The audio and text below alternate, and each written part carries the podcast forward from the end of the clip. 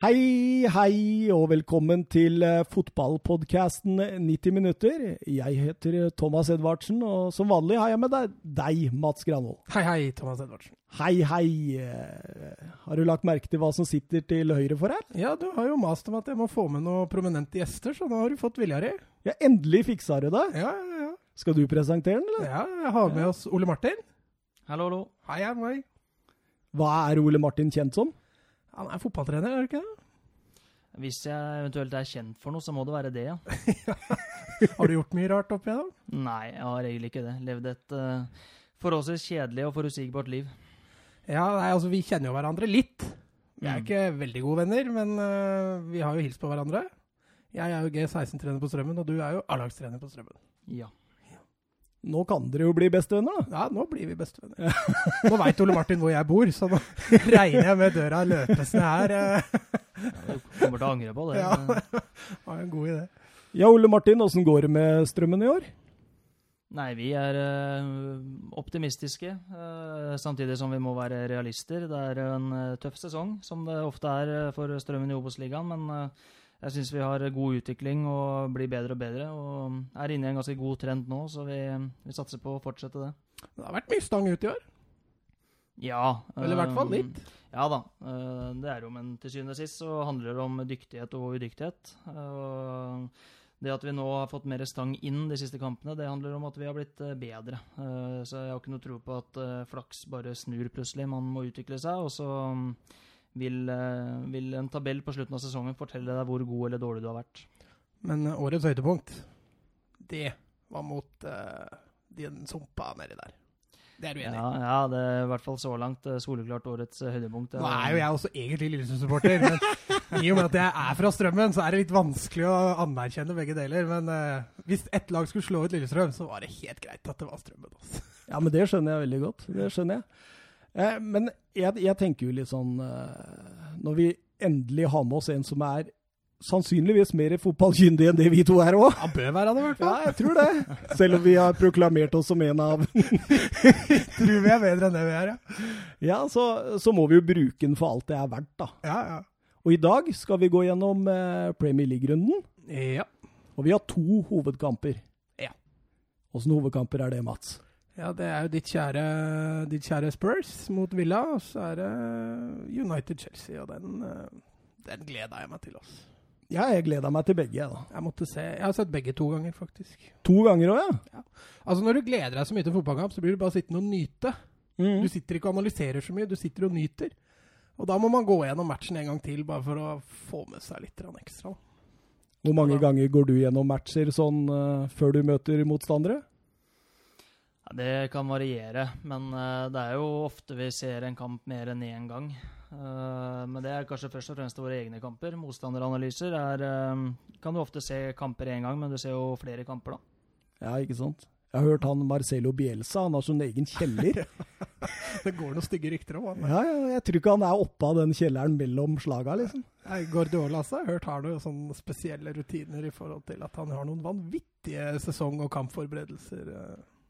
Ja. Innimellom, har jeg skjønt. Både kone og barn er eh, tidvis ganske lei. Ja ja, men sånn eh, Det skjer iblant. Man må ofre for å vinne. Ja. Mm. Men eh, skal vi nevne litt sentralpuben, eller? Ja, jeg syns det. Ja. Nå er det jo snart dags på Coutinho. Ja, vi skal, vi skal jo eh, lodde ut den, ja. Ja, Vi lodder den ut nå, gjør vi ikke? det? Nei, jo ute på Facebook. Ja, men, nå, ja, men om en uke så Ja, trekker vi den. Ja, vi trekker ikke en vinner før om en uke, nei. Nei, nei. Nei, Det blir spennende. Og så er jo fantasy rulla i gang. Ja, det var ikke så gøy. Nei, du kom, ba du kom bak meg der. Ja, jeg var høyt oppe etter første dagen, og så gikk det brått nedover. Altså. Ja, Du var høyt oppe etter Liverpool-kampen. Ja, etter Liverpool-kampen. Det var den som gikk bra. Ja, Du Også- traff på van Dijk Men der. i likhet med jeg tror det var tre millioner andre, så hadde jeg Arnold og van Dijk og Salah som cap, og så Ja, Mhm. etter det gikk det nedover, altså. Jeg dro 87 poeng, men det var eh, Kane, Stirling og Salah jeg satsa tungt. Ja, jeg så det. Jeg eh, har vel 67 poeng, så. Men vi kan kanskje avslutte litt med fantasy. Vi kan gjøre det. Eh, skal vi bare kjøre musikk og sette i gang, eller? Vi kjører intro. Ja.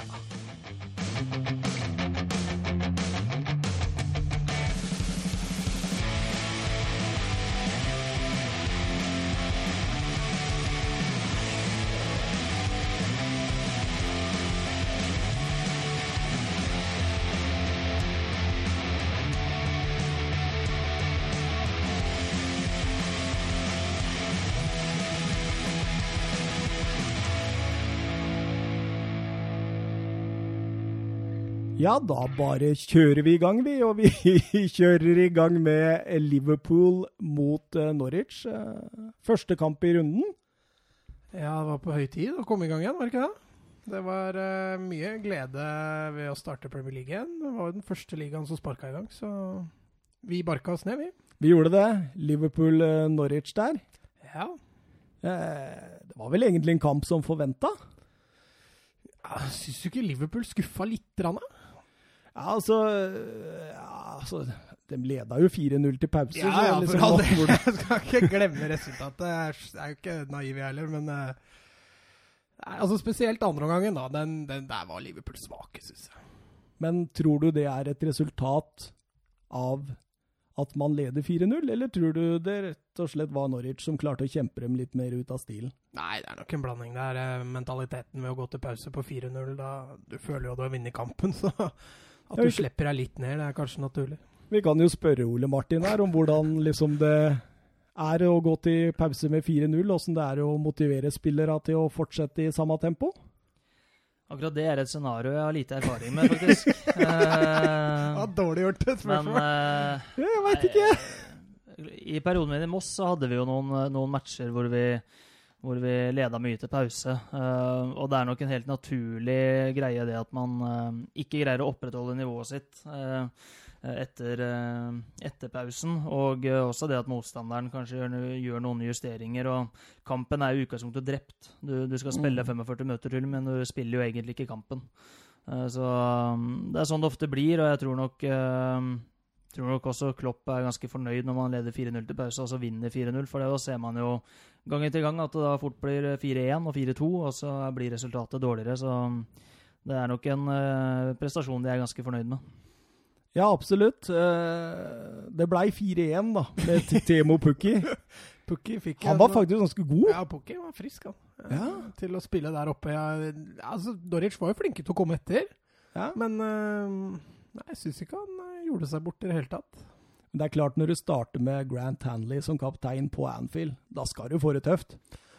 Ja, det fikk han jo òg, så det er lett å være etterpåklok, er det ikke det? Ja, etter hva jeg har hørt, så starta han de seks første kampene for Norwich i championship i fjor. Eh, det gikk ikke bra, så han bare satt ut av laget og hadde en cupkamp resten av sesongen. Så Ja. kommer rett inn som kaptein. I Premier League. Ja, er ikke det litt naivt? Ville vel ha litt erfaring, da. Jeg også ville jo tenkt at det var, eh, var litt fornuftig. Altså dytte inn altså Første Premier League-kampen, er to år siden sist Norwich var der oppe. De hadde vel mange Premier League-kamper eller mange Premier League-kamper hadde dem i troppen. Ja, Det tror jeg ikke var mye. Det var ikke mange. Nei. Så at han ville ha en rutinert stopper, jeg tror, eh, tror ikke det er så dumt å tenke sånn. altså. Nei, Det kan være det, eller så tipper jeg at eh, de har brukt den kampen bevisst som en referanse. For nå har du jobba i hele oppkjøringa med en spillidentitet, en spillfilosofi, en tanke om hvordan de har lyst til å fremstå i sesongen i Premier League. Um, og så får du da Liverpool borte i første seriekamp. Du kan jo velge da å legge vekk det du har trent på hele sommer for å prøve å få med deg noe fra Anfield, eller tenke at vi spiller den kampen, får referansen, og så er det 37 kamper igjen å holde plassen på. Eh, Så jeg syns jo for så vidt inngangen til Norwich har jo mange blitt omtalt som naiv. Jeg syns jo den er fornuftig, eh, sett fra et trenerperspektiv. For du ville mest sannsynlig ha tapt den kampen uansett. Du møter et lag som er mye, mye bedre enn deg, og da kan du like gjerne bruke den til å få referanser. Og det kan det hende han ville ha ut av Hanley òg, og få en referanse på hvordan han egentlig ligger an på, på nivået. Ja, Det høres ikke så dumt ut. Nei, og det er jo helt klart sånn at eh, Altså, jeg har jo sett Brighton f.eks. i fjor. Parkerte bussen mot City og gikk av med 7-0, var det vel? Ja, Til Så- City, regner jeg med. ja. Ja. Så, så det, er jo, eh, det er jo et poeng, det, at det kanskje ja, den kampen der, den taper vi, liksom. Nei, men vi sa det jo før sending, du og jeg i hvert fall. Ole Martin sa ikke noe, men eh, vi sa jo at Norwich var fryktelig naive, så Men det var jo som du sier, de, spilte jo som de gjorde i fjor, eh, og fikk eh, resultatet deretter. Men, eh, men nei, vi får se. Handley tror jeg kommer nok ikke til å spille så mange kamper. Det var Det- klønete sjølmål, i hvert fall. Det var klønete sjølmål, og han opptredde jo også veldig usikkert. Han var prega. Ja, han blei jo prega, men det er ikke så rart. Men en som ikke var prega som vanlig, det var Vigil van Dijk. Han fikk også et mål. Ja, han var, han var bra. Er det verdens beste stopper? Ja, det er vanskelig å komme utenom han per nå, eh, i hvert fall eh, defensivt. Eh, Men han er jo også veldig god med ballen og, og i angrepsspillet, så det er, en, det er en god midtstopper. Det, det er ikke noe å lure på. Ingen tvil. Jeg, jeg syns han er den beste. Og Du ser jo også at det han har gjort med det Liverpool-forsvaret, da, etter han kom inn midtveis i fjorårssesongen, hvor Liverpool egentlig sleit mye defensivt, og det var ofte sånn at eh, laget, motstanderen. Ja ja, men vi har dynamiske mikrofoner, så er det bare å fortsette, Mats. Ja, ja, ja. Ja, ja. Men det jeg tenker på at eh, altså Det var veldig ofte at eh, resultatene tippa riktig vei i de jevne kampene etter at van Dijk kom. Så han er jo en strålende fotballspiller. Ja da. eh, nei, jeg rang- rangerer han som den verdens beste. Eh, jeg syns han var meget solid også mot eh, Norwich. Han fremstår jo med en autoritet som Ja, det er ikke mange stopper i verden som har den autoriteten. Altså. Men hvis vi skal ta et lite skår i gleden Alison ute i 56 uker Er ikke det et litt stort skår i gleden? Ja, da, så jeg vil jo anta det. Altså Ikke nødvendigvis fordi Liverpool får så veldig mye skudd på seg, og fordi Alison er, er en bra Eller han er for all del en bra skuddstopper, men, men eh, det mister jo den autoriteten de har bakerst. da. Ja. Premier Leagues beste keeper i fjor. I hvert fall, hvert fall tett på. jeg har en kompis som er, eh, eller har vært eh, ganske brukbar i mål, som er Liverpool-fan, og han sa det at han trodde ikke det betydde all verden, for Adrian er ganske god med beina. Så Mm. det var der han lå veldig raskt, da. At, at det med beina var det aller viktigste. Ja. Nei, men det har jo litt med, med den Altså, når, du, når, du, når laget er litt usikker på keeperen, så spiller det ofte inn på, på forsvarsfireren og, og laget generelt også. Så det er klart, hvis Adrian får en god tre-fire-fem første kamper som gjør at Forsvaret og laget stoler på keeperen sin, så tror jeg ikke vi kommer til å merke så mye. Men, men hvis, hvis han gjør en tabbe eller to, så forplanter jo det seg fort, og, og det kan fort påvirke mye mer enn det, enn det man skulle tro. Ja, absolutt. Det, det kan nok stemme. Men eh, ja, hvordan eh, Tror du det var en pekepinn eh, på hvordan vi får se Liverpool i år, eller? Nei, jeg tror Liverpool bare blir bedre og bedre. Du tror det? Jeg var ikke sånn kjempeimponert Saustad. De hadde en bra førsteomgang, en OK førsteomgang, men de var veldig effektive. Norwich hadde fire sjanser, dem òg. De skåra null. Mm. Liverpool hadde fem sjanser, de skåra fire. Gjerne det som skiller toppen og bunnen også, selvfølgelig, men, men det var liksom ikke den spruten som vi så på Liverpool på sitt beste. eh, og det mangla selvfølgelig Mané, men eh, Nei, vi får se. Jeg tror det kommer mer. Ja, hva tror du, Ole Martin, om Liverpools sesong i år? Tror du det blir bra? Ja, jeg ser ikke noen grunn til at det ikke skal bli det. Ehm, de har en god fotballtrener, de har eh, gode fotballspillere, og de har en stall som eh, har mange spillere i den riktige alderen. Så det er ingenting som tyder på at de som har vært gode for Liverpool, skal bli noe dårligere i år. De skal tvert imot bli enda litt bedre. Så jeg tror eh, helt klart at Liverpool eh, kommer til å være helt der oppe i året og pushe City. Så, så klar identitet, da. Veldig sånn klar spillestil. Alle veit hva de skal gjøre til enhver tid. Det må jo være deilig, det òg. Både som trener og som fans, ikke minst. Hvor du hele tida veit hva du kan forvente. Eh, Det var vel egentlig bare i Champions League-finalen i fjor hvor vi ble tatt litt på senga på hvordan Liverpool spilte. Ja, den eh, der skjønte jeg. Det kommer jeg aldri til å skjønne noe av, faktisk. Så, nei da, en, en bra trener. Ingen tvil. Nei. Skal vi gå over til et annet uh, storlag? Manchester eh, City. Ja. De var på besøk uh, i London og skulle møte Westham. Ja. Og uh, ja, vi så nå den kampen òg. Eh, ja. Førsteomgangen, ikke all verden. Nei, det var ikke det. Nei, det var jevnspilt, faktisk. Ja, Fram til City fikk eh, 0-1 der, så Altså, jeg, jeg, jeg tipper jo litt innimellom, så jeg gikk inn på Norsk Tipping, og så så Westham sto til 11 i odds. Så tenkte jeg, nei, vet du hva, er, Selv om jeg hadde null tro på at Westham skulle vinne, så var det så høy odds på, på Westham at jeg bare måtte legge en femtilapp. Men det, det viste seg fort at det var penger ut av vinduet. For uh, Nei, det var, var jevn første gang, men uh, totalt sett en meget fortjent seier. Ja, absolutt. Men jeg, jeg tenker Det som mangler på Westham, når jeg så den kampen så tenker jeg at, For det er jo klassespillere framover i banen. Ja, på Westham, Ja, ja, Du har Filip Andersson, du har Fornals, du har Declan Rice. eh, Jarmolenko han spilte nok ikke nå, men han kan jo være inne der. Du, Lanzini. Ikke glem uh, Haller, var det det vi ble enige om å kalle? Ja, Han imponerte stort. Altså. ja, men, Både altså, fysikk og men, men er midtbanen, da.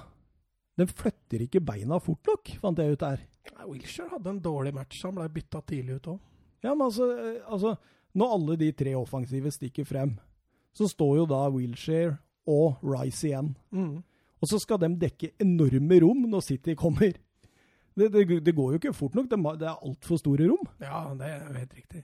Uh, men uh, Westham også, i likhet med, med Norwich, starta jo litt sånn naivt eh, med å etterlate seg så mye rom, og ikke heller var sånn voldsomt aggressiv i gjenvinninga. Så, så tenker jeg det at eh, så lenge Westham ikke fikk det første målet, så var det egentlig litt dømt å gå den veien. Ja, så var det mye var. Ja, det blei jo en del VAR-situasjoner. Hva syns du om var? Ja, Det er et godt spørsmål. Eh, Jeg er litt sånn ambivalent. Eh, Jeg har sansen for at ting skal være rettferdige, og at de riktige avgjørelsene skal tas. Samtidig så er jeg usikker på om det er eh, bra for idretten at man kan risikere som publikum å bli sittende og vente i et kvarter i løpet av en fotballkamp på avgjørelser. Men totalt sett så er nok VAR helt riktig for, for fotballen. Men det er en interessant diskusjon hva VAR skal brukes til og mm. i hvor stor grad. Ja, helt klart. Ja, vi har jo vært innom det i den podkasten her før òg. Spesielt hens har jo vi diskutert i det uendelige. Uh, når det gjelder VAR. Så, men jeg, jeg tror Premier League har lagt en meget god uh, retningslinje på bruken av VAR. Uh, mm. spesielt på hens-regelen. Det skulle jo ikke blåses i hjel. Nei, det Så skulle vi- vel bare blåses hvis det var et lag dro et fordel av det som blei i mål. Ja. Ja. Så nei, vi, vi får se. Men jeg, jeg er eh, enig med, med Ole Martin. Altså Rettferdighet er, er viktig, og, og har vi VAR med i spillet, så så får vi jo det uansett. Uh, med at Da kan vi bare gå tilbake igjen og se på, se på video. Men, men av det som har blitt brukt av VAR i første runde, så var det jo ofte offsider uh, og sånne ting som ble tatt. Det jo, ble ikke dømt noen straffer pga. VAR. Det ble jo ikke, fikk jo ikke noen sånne voldsomme konsekvenser. Fikk én annullering pga. VAR. Det var vel det eneste.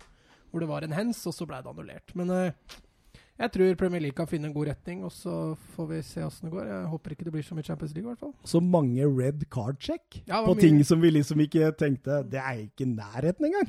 Men det ble jo aldri rødt kort. Nei, nei. Så Så ble, da- var jo enig. Men eh, ja, 5-0-seier til City. Stirling tre mål. Mm, Det ser veldig greit ut.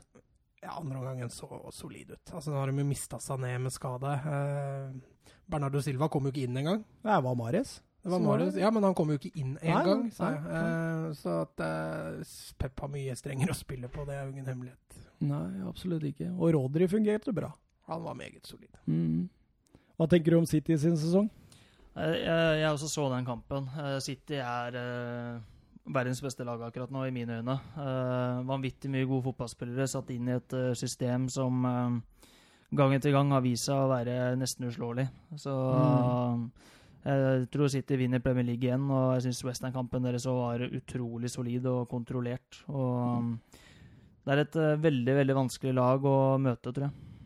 Ja, Ja, Ubehagelig, men også sånn som jeg har sett Strømmen i år, da, for å trekke Ja. sammenligning for Ja. øvrig. Eh, så har jo du også variert litt på formasjon. Altså Du starta jo mer en, en slags 4-4-2, og så har det blitt en mer 4-3-3 nå i det siste. Stemmer ikke? det? Mm. Eh, så, sånn som Rodri, da. Se hvor viktig han er i City. Både i gjenvinninga, men også i frispillinga. Eh, så tenker jeg også litt sånn i samme med Busquets. Han sammenlignes Ja. veldig med Busquets. Ja. Eh, altså hvor viktig den rollen er. den dype midtbanespilleren når du Mm. spiller 4-3-3. Jeg regner med også du verdsetter den. Nå har jeg ikke sett hvem du har brukt der så ofte i strømmen, men den, den posisjonen er jo viktig når du spiller 4-3-3. Begge veier, Ja, egentlig. Absolutt. Men det er jo øh, sånn som Guardiola, eksempel, vet jeg jo Han prater jo ikke noe særlig om formasjon. Uh, han, han er jo gjerne innom fire-fem forskjellige formasjoner i løpet av én kamp. Mm. Og det er jo litt trenden og internasjonalt, og for så vidt også mer og mer i Norge, at man er veldig dynamisk på akkurat det underveis i kamper. Uh, bare nå eh, ja, For å sammenligne med oss igjen, da møtte vi Ålesund på søndag, så kan man egentlig si at vi bare i den kampen er innom fire forskjellige formasjoner, for at vi justerer litt her og der. Mm. Uh, så formasjon tror jeg er, eh, er litt litt, uh, litt oppskrytt. men heller posisjonsspill, hvordan du forsvarer det, og hvor du velger å sette press, og hvor du, hvilke områder du velger å forsvare. Og eh, hvor du vil ha spillerne dine når du angriper. Både i frispilling og i, i bearbeiding og på, inn på siste tredjedel. Og der er jo City City har kanskje sin største styrke akkurat der, at de er veldig dynamiske i den delen av spillet. Men, men, men hvor godt drilla er spillere på det da? Altså Holder det med at du bare knipser i fingra og så legger dem om? Eller er det en sånn grad de også vurderer sjæl underveis i kampen, liksom? Eh, på vårt nivå så er jo det eh, ofte samspill mellom eh, meg fra sidelinja og spillere. Mm. Fordi at jeg kan nå ut til de. Når du spiller i Premier League, så hører jo ikke du Altså, de hører ikke hva Guardiola sier. Det Så var litt det jeg de skulle fram til. da. Men, men jeg tror jo, og har hørt at før kampene i City, så prater jo Guardiola veldig mye om hvis motstanderne gjør det, så gjør vi det. Mm. Hvis de gjør det, så gjør vi det. Så at alle spillere veit hva som er planen, og så må de gjøre det. Mm. Nei, for jeg er ingen tvil om det at City er et av de Altså, Én ting er at de er gode ballspillere og har gode relasjoner, men sånn rent taktisk så ser du også City er eh, De er smarte, de er dyktige, de er så veldig godt trent, eller skolert i det. Og det, det har vel litt med den typen Guardiola er også, tror jeg. Ekstremt Ja. disiplinert. Altså. Men så snakka vi om også i forrige episode hvordan den eh, dype midtbanen på en måte har utvikla seg litt. For før så var det jo en type Roy Keane. Ja, Roy Keane. Ja, ja, du skulle vinne ball og levere til neste, men nå dukker det jo opp masse spillere på en måte i den dype rollen som har så mye, mye mer. Du ser jo f.eks. en Tanga i Ndombele, da, som vi skal fram til neste gang i hovedkampen også. Mm. Eh, og det, det finnes mange av dem da, som på en måte har, har utvikla den posisjonen i mye større grad enn når jeg spilte i den posisjonen. da. Mm. For Det er litt samme som med keeperplassen nå. altså Nå skal du ikke lenger bare stoppe skudd, du må også kunne ha ballen i beina. Litt der er det jo også med den sentrale. Du må, du må ha litt, mer, litt flere evner på banen da, hvis du skal uh, få spille mer og mestre den posisjonen bedre. Og Spesielt hvis du har trenere da, som verdsetter possession og, og hurtig gjenvinning og sånne ting. Så trenger du smarte fotballspillere, ikke sånne som, som deg. Som kunne løpe langt og takle hardt. Ja, Det var jævlig vonde å møte, spesielt hvis du fikk deg bakfra. Men eh, hørte du Mourinho når han fikk eh, spørsmål i Match of the Day eh, hvem han trodde kom til å vinne ligaen? Ja, det har jeg fått med meg. Han nevnte vel topp fire, gjorde han ikke det? Ja, Han sa det er Manchester City, Mhm. Liverpool, Tottenham og Manchester Citys B-lag. Ja, det var eh, topp fire. Stemmer det. Men eh, altså, når du ser benken til City, altså de som riktignok er skada også, da, men altså, det er et lag som også hadde kjempa om Premier League-gull. Ja, faktisk. altså, tar du B-laget til Manchester United, da, for å trekke en sammenligning, så hadde jo de kjempa under midt på tabellen, antageligvis. For da hadde Phil Jones og Smalling Ja, da hadde inn. Phil Jones og Smalling kommet inn, og det, det holder ikke topp seks-nivå. Men eh, det er som, jeg er helt enig med Mourinho, det er de fire det står mellom. eh, over til Bournemouth uh, Sheffield United. Ja, litt traust kamp. Men samtidig ekstremt gøy å se de overlappende midtstoppere. Ja, Spesielt i første omgang. Da var det, det, var- det, er nesten, det er nesten helt spinnvilt å se på. Ja, det er Eh, Uh, fikk du sett den, eller? Martin? Nei, jeg har ikke sett den. Har du, ja, men har du vært noe borti Sheffield United før? Har du sett noe, eller siste sesongen? Jeg så et par kamper av det i fjor, ja. Eh, det gjorde jeg. Jeg kjenner ikke veldig godt. Nei, altså, de spiller jo med en treer bak. Ja, ja. Eh, og der er det ikke Noen ganger femmer. noen ganger femmer, ja. Men der kommer altså de ytterste stoppera på overlap. Gang på gang. altså. Ja, og så vekselvis òg, hele Ja, veien. Og så altså- trekker han en tilbake, Ja. og så kommer han andre. Når du ser venstre stoppe gå fram, så kommer høyre stopperen Ja. tilbake. Altså, det er, eh, altså, det er så innova- innovativt. Det er så innovativt Ja. og nytenkende at uh, han har tatt Conte sin stil bare enda lenger. Ja, ja. Men husker du også første sesongen til Guardiola i City, da han begynte å, å kjøre høyrebekkene bekkene, ja. opp som eh, ballfordelere defensivt på midten? Ja, Han kjørte bekkene inn, Ja, men jeg har ikke sett det trekket noe særlig mer. men uh, han, han sleit jo litt i starten i City, så det var kanskje en grunn òg. Det er jo faktisk noe Leif Gunnar Smerud gjorde med Norge U21 eh, før Guardiola gjorde det i City. Ja. Oi, oi, oi. Så det var Smerud som var innovativ der. Altså. Smerud var innovativ der. Skal ikke se bort fra at eh, Pep eh, var på studietur på Marienlyst, altså. Men har du noe kontroll på det, om det er noen som har kjørt eh, sånn som Chris. Wilder med overlappende midtstoppere før? Ja, I Italia så har jo stoppera gjerne hatt en ganske sånn offensiv rolle de siste 15 åra. Uh, så uh, du kan jo si Maldini var jo periodevis en stopper som kunne gjøre noe sånt noe. Men uh, det er godt at Sheffield United er en av de første som har satt det i et system. For Ja. egentlig så er det jo helt ufarlig å gjøre det hvis du har et system på, som da tilsier at en sentral midtbanespiller f.eks. tar over uh, balansejobben. Uh, så hvis du setter den type ting i system, så fungerer det fint. Ja. For det har han jo gjort. Han har Ja, ja. satt det i system. Ja, eh, og de har ikke bare én sittende midtbane, de har to. Mm. Mm. Og det er klart, når, du sett, når hele tida den andre motsatte stopperen er så flink og disiplinert og kommer tilbake igjen så fort, når den motsatte stopperen går fram, så, er jeg, så ser jo jeg heller ikke at det er noe problem med det. Bournemouth greide jo ikke å straffe Sheffield United på det. Nei, for Bournemouth skuffa. De var uh, Jeg, jeg, jeg gleda meg til det offensive der, med King og Wilson og Frazier på den ene sida. Ja, og så Harry Wilson. Nå fikk jo ikke han prøve seg, riktignok, noe. men uh, det er mye spennende offensivt i Bournemouth. og mye hurtighet. Ja, ikke minst. Men for en jobb uh, Eddie Howe har gjort med Bournemouth. Ja, den er enorm. Det imponerende. En eh, liten klubb eh, som eh, Det er ikke så veldig mange år siden de, de sleit. så um, han har gjort en god jobb med å bygge opp det, og jeg syns de spiller kul fotball. Det er Mhm. fremoverretta. Det er um, en del likheter til Liverpool. Eh, ligger selvfølgelig lenger bak på nivå, men det er en del av de samme prinsippene, og, og jeg syns jo det er god fotball. Ja, altså de vinner heller 5-4 de enn 1-0. Det Ja, er ingen tvil om. Det har de vel gjort en del ganger òg. Ja. Joshua King, han er god. Ja, King har blitt en bra, bra spiss. Ja, absolutt. Han var litt under paret mot uh, han, han, Jeg syns han trekker så lavt noen ganger. Altså, jeg ser jo det at han har fått beskjed om at du skal møte og Wilson skal stikke. Jeg ser jo det også, men han er jo farligst når han får vente opp og true rommet foran seg. Eh, så han, jeg mener han bruker King litt, litt feil, men uh, King er såpass god at han får det jo til. Men jeg tror han kunne vært enda litt farligere hvis han hadde fått brukt styrkene sine litt mer. Det var kult da, når Billy Sharp satte 1-1 der på Ja, slutten. ja, ja. Det, det, altså, sånne gledesscener og sånn er jo alltid gøy. Selv om jeg holdt litt med Bournemouth, selvfølgelig, pga. King, men uh, Men Men- kapteinen, legenden Ja, ja. Billy Sharp med 23 kasser i fjor. Og så blir vraka til første Premier League-kamp. Sikkert irriterende som bare det. Og så kommer han inn og kommer han inn og setter 1-1 og skaffer Sheffield United poeng i premieren. Det er Ja, det var jo eneste nyopprykka laget som fikk poeng, så mm, Nei, Sheffield, det var gøy. Det var litt artig å se på dem. Eh, så får vi se. Vi har jo tippa dem helt i bånn, vi, så Ja, men det, det kan fort skje. det kan fort se. Lang sesong. Burnley Southampton, da. Ja, jeg eh, lot meg imponere der òg, jeg. Bruntrøyene de hadde jo en svak sesong i fjor, eh, så får vi se om de greier å etablere seg litt høyere. Ja, Ashley Barnes med to kasser. Mhm. Han eh, det var- er ganske undervurdert spiss, egentlig.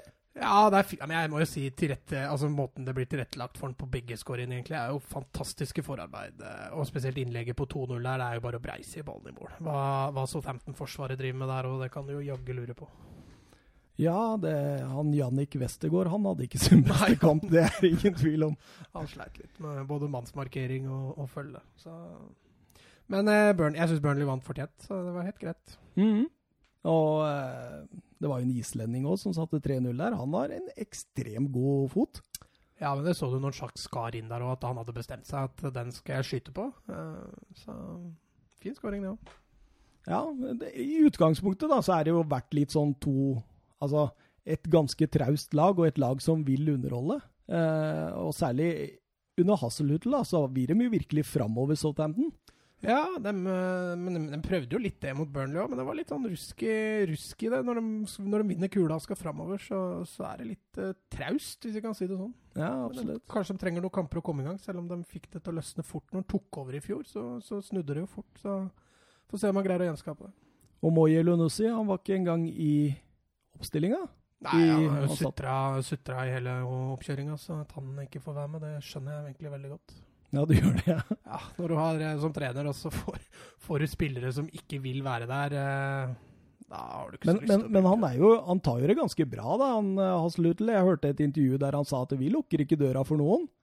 Har hun lyst til å spille for Southampton, skal jeg gi dem en sjanse, men da må de vise at de fortjener det. Jo, jo, men han har jo gitt beskjed til Elionossi at per dags dato så er du så vidt i troppen, liksom. Du må jobbe deg inn. Ja, jobbe deg Og inn, ja. den beskjeden hadde jo ikke Elionossi tatt så bra.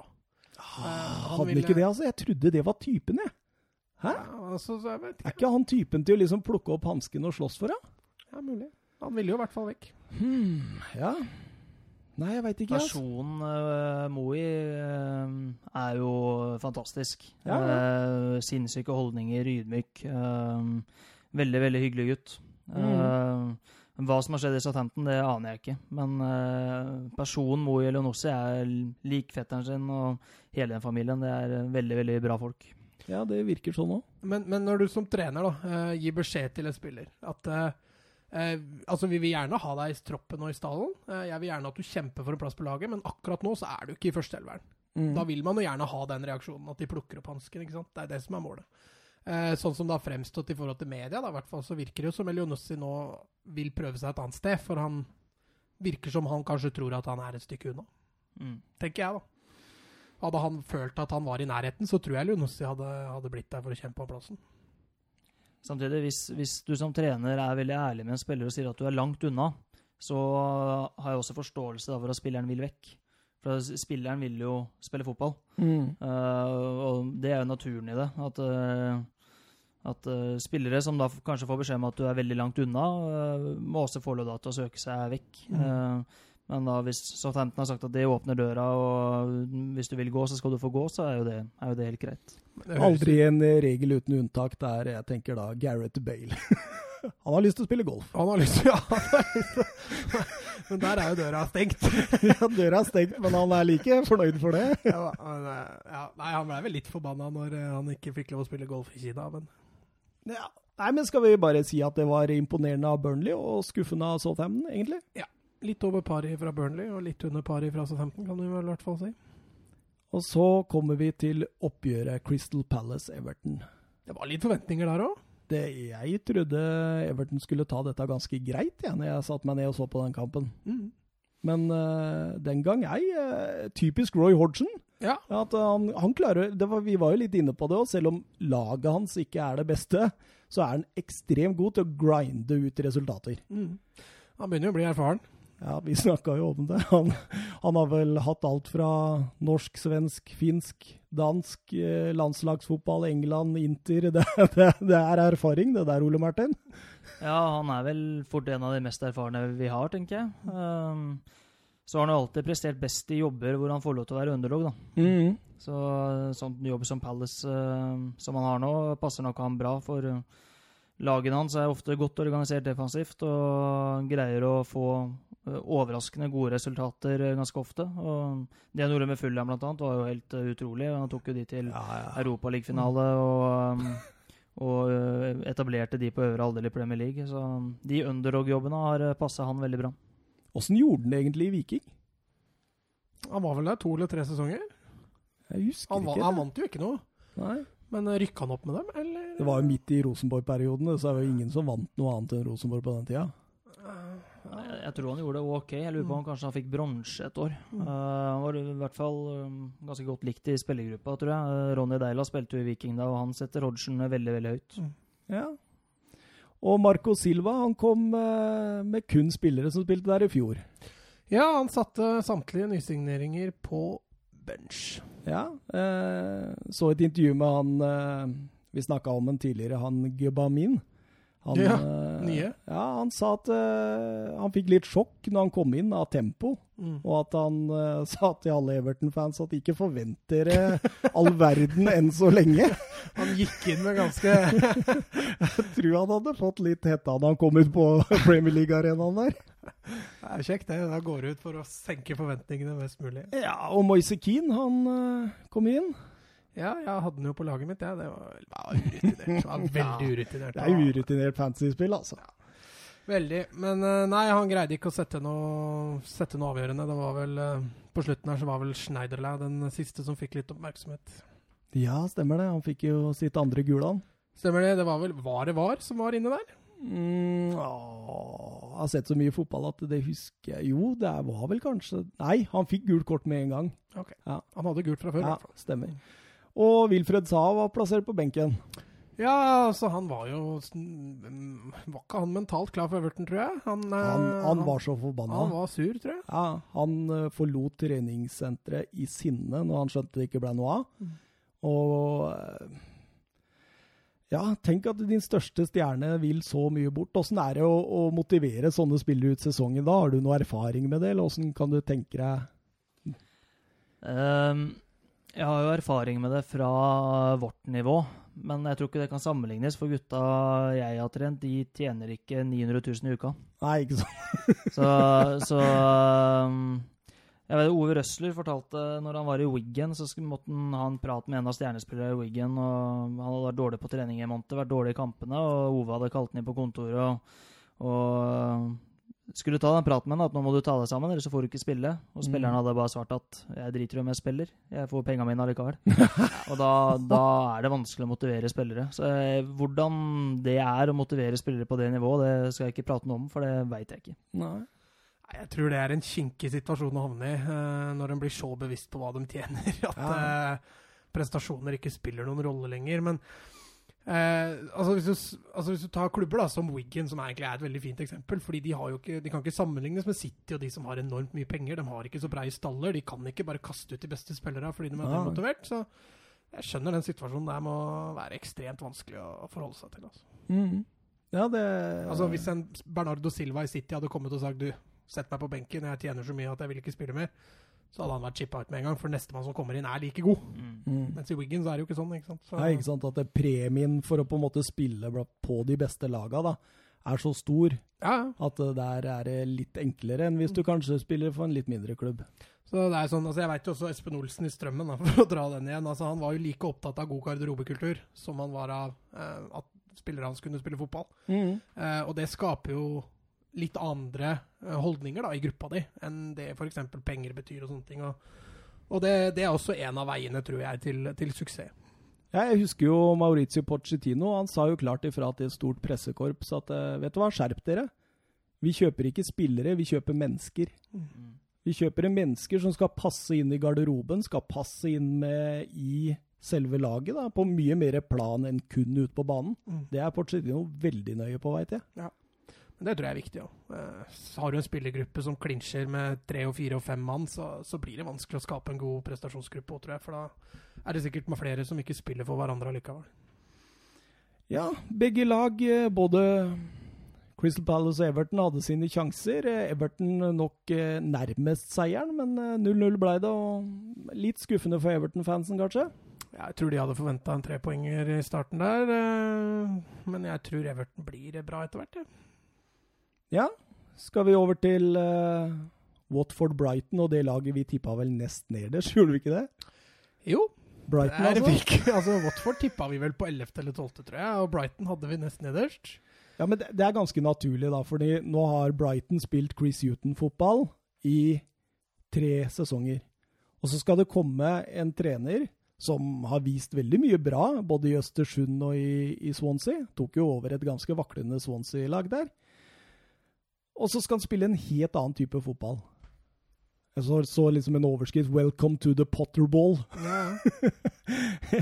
Ja, og da, altså, Som vi nevnte i forrige podkast, vi trakk jo paralleller til Stoke. Hvordan det gikk da de plutselig skulle begynne å spille eh, fin fotball. og Possession-orientert. ja.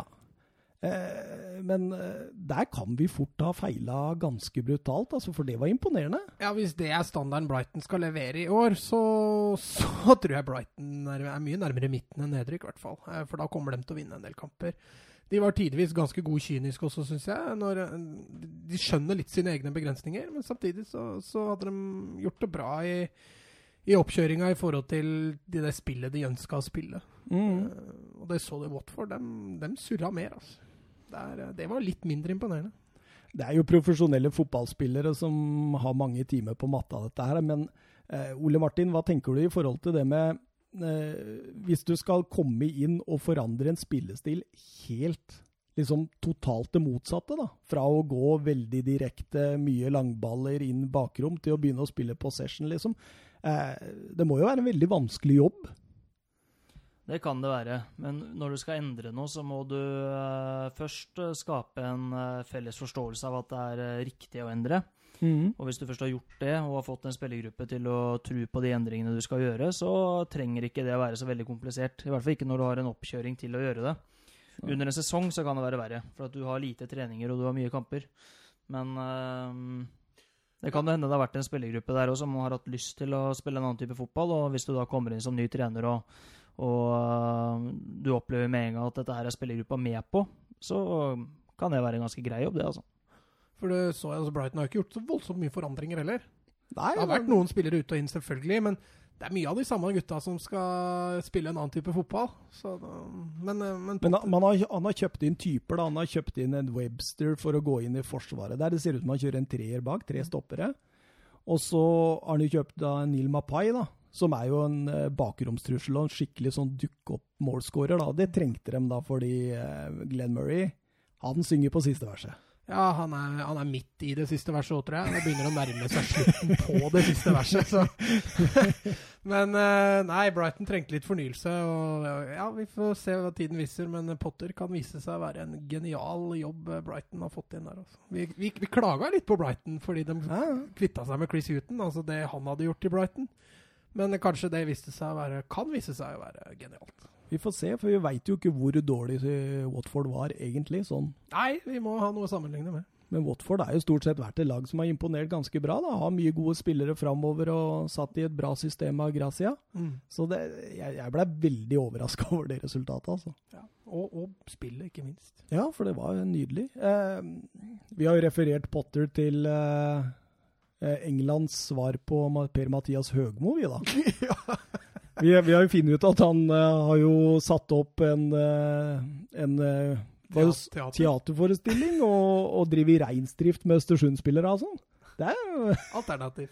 Har du noen gang funnet på noe utenom det vanlige med laga dine? Nei, jeg har, uh, har I Moss så hadde jeg to år på rad en sånn uh, teambuilding-helg. Hvor uh, egentlig målet var at spillere skulle få kjenne på hvordan det faktisk var å være i kjelleren. Eh, så det er nok kanskje litt annerledes, men uh, det veit jeg også andre har gjort. og du kan få mye ut av det. Og det er jo Jeg tror også det er fornuftig da, for fotballspillere å innimellom gjøre andre ting som ikke omhandler fotball, men som allikevel kan relateres til, til det. Så eh, Per-Mathias har jo drevet med mye artig. Eh, noe har fungert, og noe har ikke fungert. Men, eh, men det er jo en del av det Per-Mathias har gjort, som også, også har fungert ganske ok. Så mm, Ja, så det er klart det å trekke inn noen sosiale hva skal vi si, litt sosiale antenner da, inn til gruppa. altså Du bygger jo lag, og det Gjør du det riktig, så tror jeg det er veldig fornuftig. og du ser Potter har jo fått bra resultater, både i Østersund og, og med Swansea, så han gjør jo noe riktig, i hvert fall. Ja, så snakka vi om, også om det å innad i laget og unne hverandre ting. da. At det ikke kun er konkurranse om plassene og litt sånn spisse albuer, sånn som jeg hørte Thorstvedt sa det var mye i Tyskland da han kom dit i sin tid. At det var nærmest sånn at de mødla for hverandre og gjemte sko og kunne Det var liksom eh, til, til å liksom på en måte unne hverandre. Vi snakka om La Lacassette og Aubameyang, hvordan de liksom er så åpenbart glad når den andre scorer. Og ikke minst også keeperduoen til det laget vi snakker om nå, da, Watford, hvor Gomez og Foster, ja. ja, hvor de liksom hele tida unner hverandre. Det var ikke noe problem å unnvike en FA Cup-finale for Foster, for han mente at uh, Gomez han eh, fortjente det der maks. Det betyr nok mye. Ja, uten tvil. Og det, den godfotteorien til Nils Arne Eggen den er eh, fortsatt veldig gjeldende både i norsk og internasjonal eh, fotball. Det å ønske å gjøre lagkameraten din god og ønske han eh, alt godt. Og det å skape en kultur hvor alle ønsker å gjøre hverandre gode, det, det er en suksessoppskrift. det. Absolutt. ja. Vanskelig å være uenig i det, tror jeg. Mm. Eh, da er vi egentlig på plass til eh, i, rett mm, i starten av hovedkampen vår, vi. Det Første hovedkamp, i hvert fall. Ja, det var, den så vi sammen. Den så vi sammen. Det blir da Tottenham eh, mot eh, Aston Villa. Eh, spiltes lørdag 18.30 på Tottenham Hotspur Stadium. Ja. Fortsatt ikke fått noe navn. Nei da, nei da. Nå hørte jeg Torstvedt prate om det, så det er, det er mulig å kjøpe navnet der. Mats Granvoll Stadium. Ja, eller jeg tenkte jo mer Granvoll Edvardsen Stadium, hvis vi gjør 90 minutter 90 stadium! minutter stadium. Ja, det selvfølgelig. Der har vi det! Ta opp tidenes lån. Daniel Levi er nok lett å forhandle med der, tror jeg. Ja, um, Villa kom jo sikkert til kampen med en sånn ja, sånn passe ja, jeg, jeg tror ikke de hadde mye håp sånn egentlig innerst inne, men at eh, de hadde kjøpt et lag for 1,4 milliarder. De har brukt mye penger. Masse nye spillere. Skal sette sammen det. Første oppgjør, eh, Tottenham Hotspur Stadium, og litt som eh, Ole Martin sa, det, det, det, blir sikkert litt av den samme måten som Norwich kom til oppgjøret på med i Liverpool. Men eh, de starta jo voldsomt bra. For Aston Villa, ja. Ja, det er vel ikke det, Altså, Jeg syns jo egentlig Tottenham virka litt nonsjalante. Ja, da. Eh, de hadde en ny formasjon. Jeg så ikke Tottenham spille så ofte 4-3-3 i fjor. Eh, de hadde tre sittende midtbanespillere på midtbanen. Altså to indreløpere som i utgangspunktet er best defensivt. Eh, og det følte jeg prega Tottenham litt i starten. Ja, det, det vil jeg si. At det, det å gå fra den vante 4-2-3-1, hvor rollene er veldig sånn klare, da, så så jeg det at de var litt mer usikre på sine egne oppgaver, i hvert fall de to indreløperne nå. Ja, og Sissoko, altså han så, han så, jo så ufarlig ut når han var i nærheten av mål. Eh, altså, Indreløpere de har, eh, de har veldig viktige roller på banen, dem også, som, som nødvendigvis ikke omhandler det å skåre mål. men Eh, for et lag som Tottenham, da, som møter et så lavtliggende lag, så er det veldig viktig å få indreløpere inn i boks for å prøve å skape litt overtall og, og sånne ting også. Men eh, Sissoko han, altså, han sto vel nesten innafor femmeteren den ene gangen der og skøyt den til innkast, og da, da er du lite målfarlig, ass. Da lo du faktisk. Da lo jeg skikkelig høyt. Tjener så mye penger og treffer ikke mål engang. Vet du hva, de, På de 15 siste oppgjørene mellom klubbene hadde endt med 13 Tottenham-seiere, én uavgjort og ett uh, en Sita, nei, Villa-seier. Det, det er en ganske markant statistikk på dette nivået. Ja, men jeg tror også det. Altså, øh, når du kommer til en klubb, da, eller du møter en toppklubb, så føler du jo det at du, du har ikke så mye å tape. Uh, det var litt sånn som med dere i helga mot Ålesund. at uh, ingen forventer tre poeng til, til, Strømmen. og det var litt sånn Aston Villa også følte, tror jeg, Selv om de hadde kjøpt et helt nytt lag, så tror jeg de brukte den kampen her litt som, som trening. Og litt enklere å forholde seg til også som trener, uh, når du ikke har så mye å tenke på, på en måte. Ja, det kan godt hende, det. Uh, du, kan jo si det at Tottenham starta jo best. Altså De første fem minuttene, da Lucas vant jo ballen høyt i banen der og gikk på skudd, og det kom et innlegg fra venstre der hvor Lucas sto helt alene foran målet og hedda rett på heaten. Mm. Så de starter jo best, og så kommer den kontringa på 0-1. Ja, men hvis vi tar starten, da. altså Tottenham var egentlig gjennom hele matchen var jo flinke til å sende bekka fram. Ja. Eh, både Walker Peters og, og, Danny Rose var offensive. Eh, men, men, det beste Rose gjorde hele matchen, det gjorde han jo det innlegget til Lucas Mora. Etter det så, så falt jo han mye mer gjennom offensivt. Han greide ikke å skape noe, selv om han var der. Uh, men uh, det er som du sier, da Jeg syns Tottenham tok mer og mer ble litt mer tafatte, hvis vi kan si det sånn. Mm, absolutt. Og på den 1-0-skåringa til Villa, da. Uh, hva skjer i forsvaret der, egentlig? Nei, Jeg syns jo Davinson Sanchez gjør en forferdelig dårlig jobb. Uh, for det første så feilberegner han jo ballen. Han, han står jo i duell med, med, med Wesley der. Og jo, men han har jo Wesley. Han har jo kontroll på Wesley hele tida. Er det ikke Rose som skal inn og sikre jo, jo, bak der? Jo, men det var neste punktet mitt. Jo, men at, hvorfor er det så dårlig av Davinson Sanchez, da? Hvis han hadde falt av fire-fem meter tidligere, så hadde han bare hedda den ballen unna.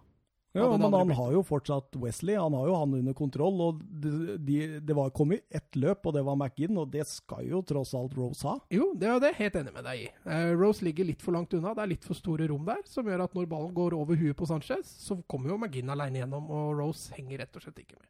Mm. Er du ikke enig, Ole Martin? Uh, jo, den skåringa blir jo liksom følgefeil. Men jeg tror uh, skal ikke jeg si at det er sånn, for jeg vet ikke hva Villa prata om i forkant, men jeg tror det var ganske bevisst fra Villa, og jeg tror de kommer til å gjøre det videre i år òg, å sette i gang korte femmetere for å lokke motstanderen opp. For de har henta spillere med veldig mye tempo. Uh, så jeg ble imponert over Villa den matchen. her. Jeg tror de kommer til å gjøre en god sesong. Uh, for at de var godt organisert defensivt, og så har de ekstremt mye fart framover. Så det er litt sånn på den skåringa så uh, setter du i gang kort. De lokker Tottenham som pressa i en slags diamant litt høyere i banen for å skape plass til da, McInn og 3CG, Wesley og Elgazi spesielt. da. Uh, og så kommer den kula inn bak der, og da er det jo først stoppera som står altfor høy, høyt og feilleser situasjonen, og så kommer jo da Rose. Uh, ligger jo alt altfor bredt i mm. utgangspunktet der, som gjør at det rommet blir, blir, skapt. Men det er ganske bra gjort av Villa, for det ser ut som at de triller ball. De har vel en tre-fire trekk der hvor du ser alle spillere løfte blikket for å se om Tottenham har flytta fram presset. Mm. Og så når da Tottenham har flytta seg opp, så kommer den inn bak. Og når Tottenham går opp til 2-1 på seinere i matchen, så prøver Villa å gjøre det samme igjen et par-tre ganger, men da lykkes det jo ikke. Så jeg, jeg, tror det var en bevisst uh, tilnærming fra Villa, at de skulle gjøre det i etablert angrep og lokke Tottenham opp for å få brukt farta til Villa. Ja, men det er jeg helt enig i, for du så det var, du så det var bevisst. altså Enten så var det McGinn, eller så var det Graylish som kom inn bak. og Eh, det, at, at Villa ville inn bak Tottenham, det, det var ganske opplagt, følte jeg også. Altså. Ja, absolutt. Eh, jeg henger med på den. Eh, jeg føler at Tottenham mangla jo helt rytme. Det var jo ikke det Tottenham-laget jeg kjente med, i hvert fall ved starten. Og hver gang de kom rundt på kant, så så du alltid upresist. Hver eneste gang. Jeg sa jo dette her òg, at det er alltid feil spiller i feil posisjon. Mm. Hele veien. Og jeg, jeg, jeg, jeg, tror Pochettino var relativt forbanna, for å si det sånn, etter den første omgangen. Det har han også innrømma i ettertid. Ja, men altså, den altså, Litt tilbake til det med at hun spiller uten Altså, hun spiller jo med tre sittende på midtbanen. Eh, du ser det egentlig veldig tydelig når Eriksen kommer inn. Vi hopper veldig langt fram her, da, men, men det var ingen som fikk den ballfordelingsjobben Eh, mellom forsvaret og midtbaneleddet til Villa. Eh, mm. Der feila Tottenham egentlig ganske mye. De var flinke til å spille seg rundt og bruke bekkene, men så skjedde det ikke noe mer etter det. Uh, mens Villa de forsvarte jo egen boks egentlig veldig enkelt. Tyrone Minks var jo helt konge i, i egen boks. Ja, absolutt. Han uh, duellsterk type. Ja, definitivt. Sto i veien for veldig mye. Der kan du gå litt tilbake til formasjonsdiskusjonen. da. For at uh, Den formasjonen Tottenham starter i, er jo veldig mellomromsorientert. Mm. Og så har du kun Bekka som breddeholdere. Mm. Uh, og det er ganske forutsigbart å spille mot.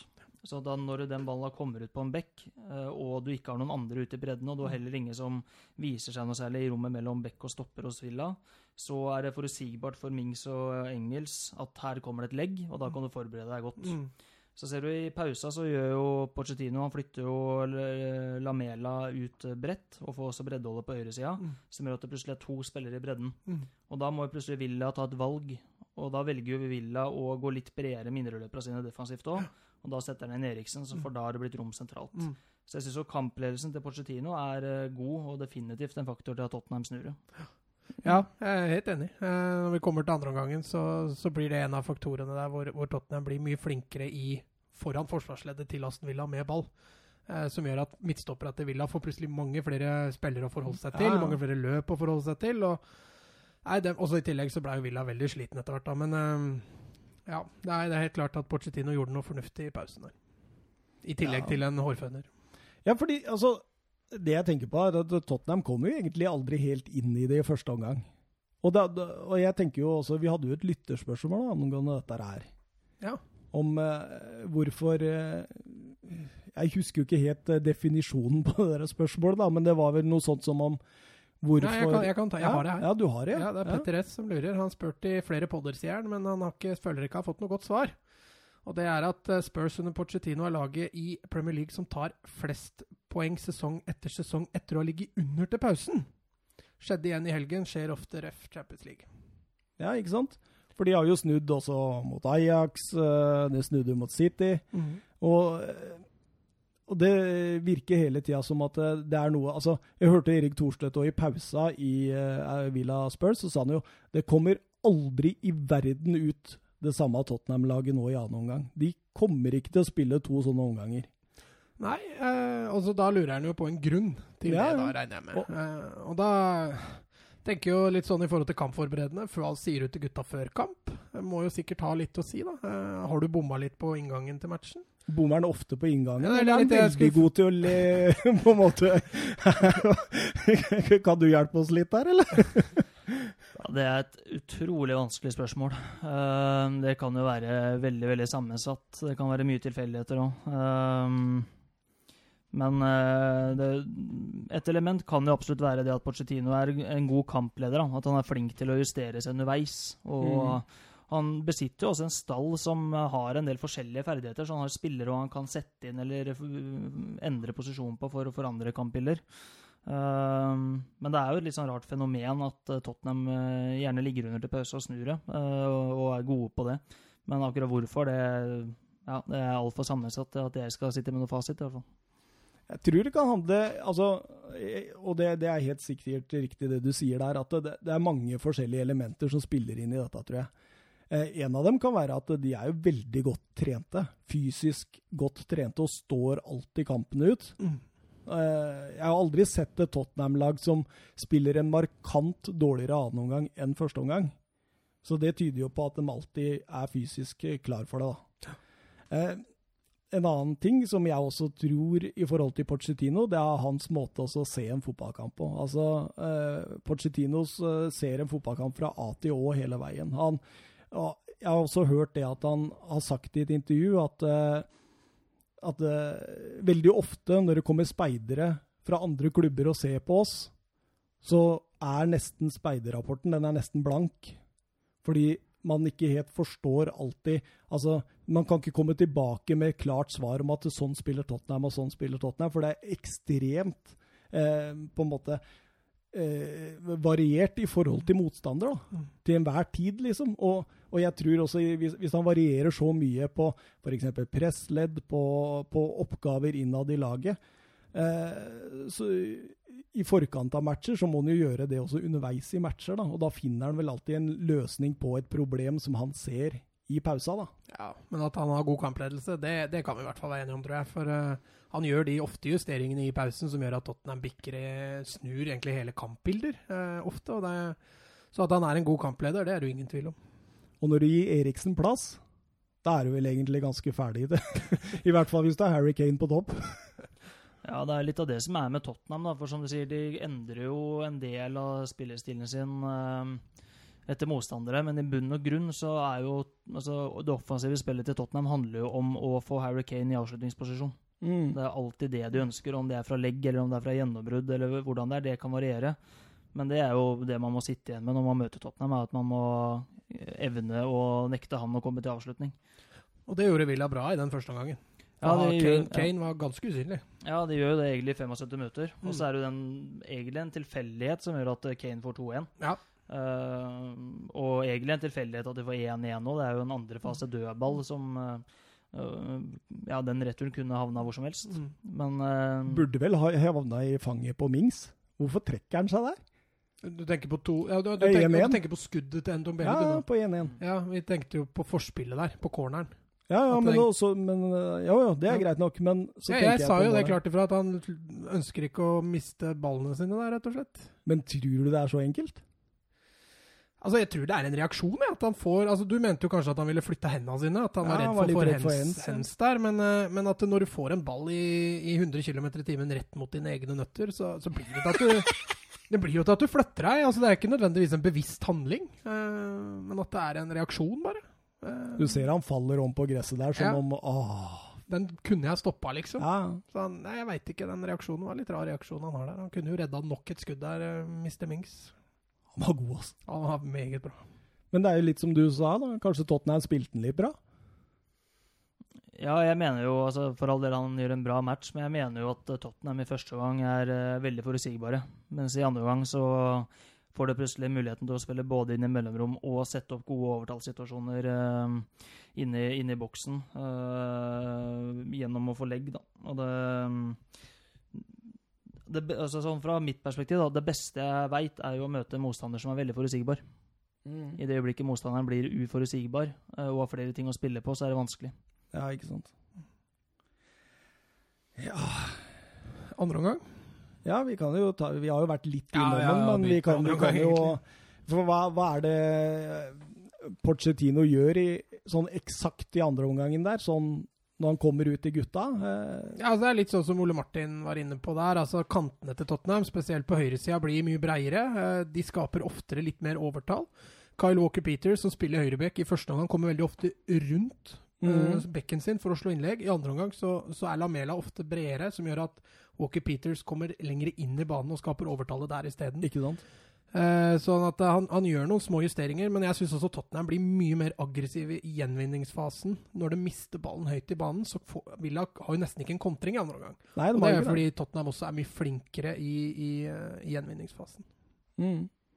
Hva ville du tenkt da som trener i Aston Villa, hvis du ser at du ligger på 1-0 og du begynner å miste overtaket, du får ikke noe særlig spill og ingen kontringer, og blir bare kjørt bakover? Er det noe sånn umiddelbare trekk man kan gjøre? Du må uh, finne en måte å få flytta presset litt høyere på. Mm. Uh, sånn kampbildet blir i andre gang der, når, når Villa Eller når Tottenham flytter kantene sine litt bredere òg, så så har jeg sans for å, å legge om til en uh, presse mer enn 4-4-2. For at du får et eh, frontpress på to spillere som gjør at du oftere kan være litt høyere. Og så Mm. får du enda tydeligere roller på hvem som skal presse på utsida, og hvem som eh, presser på innsida. Ja. Eh, men det er jo mer en preferanse jeg har. Det er ikke noe fasit på at det hadde fungert. Men jeg tror i hvert fall mye av nøkkelen er at du må flytte presset litt høyere. For da vil du også få kortere avstand i kontringsspillet ditt eh, til motstander sitt mål. Um, I første gang, når Will er skumle på overgangene, så er det jo ofte fordi at vinneren midt på egen halvdel, og kanskje litt høyere. Mens når du vinner den innenfor egen 16-meter, så er det fryktelig langt fram. Ja, ja. Så um, det å flytte presset litt høyere er en sånn litt sånn grunnregel på at det er ofte litt nøkkelen. nå. Jeg syns også Villa begynte å bli litt slitne. Siste kvarteret så hang dem veldig med nebba, så da For det koster jo å presse, ikke sant, sånn som de gjorde i første omgangen der. Ja, ja, definitivt, men det blir jo også løpende mye mer etter ball i andre omgang. Eh, og når du mister ballen nesten med en gang du har vunnet den igjen, så, så sitter det også litt psykisk at uh, du har jo aldri ballen. Men hørte du også hva Robin van Persie sa i studio der? Nei. Han sa jo det at uh, i den fasen, første kamp, så er man så stinne i beina av trening at det, egentlig så er man sliten i det man går ut på.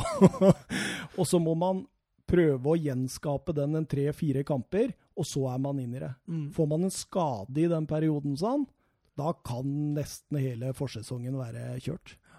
Så Ja. de er jo tydeligvis ganske stinne da, etter preseason, og, og det syns jeg du så mer i Villa enn i Spurs. Ja da, definitivt. Men Da er det lettere å ha ball, da. Jo, altså Tottenham på hjemmebane skulle jo bare mangle, men eh, jeg syns egentlig Villa fram til 75 minutter fremstår egentlig ganske imponerende. Uh, det er klart Tottenham tar jo bare mer og mer over utover i andre omgang, men jeg syns Villa også er flinke til å tette igjen. De ligger ganske smalt. Uh, flinke til å ta ut i egen boks. og Fram til 75 minutter så ser det også ut som de har krefter til å stå løpet ut. Men jeg sa det jo til deg når eh, Tottenham først fikk 1-1 der, så sa jeg nå, nå er det gjort. Nå, Nå er det gjort, nå ja. kommer det til å komme flere.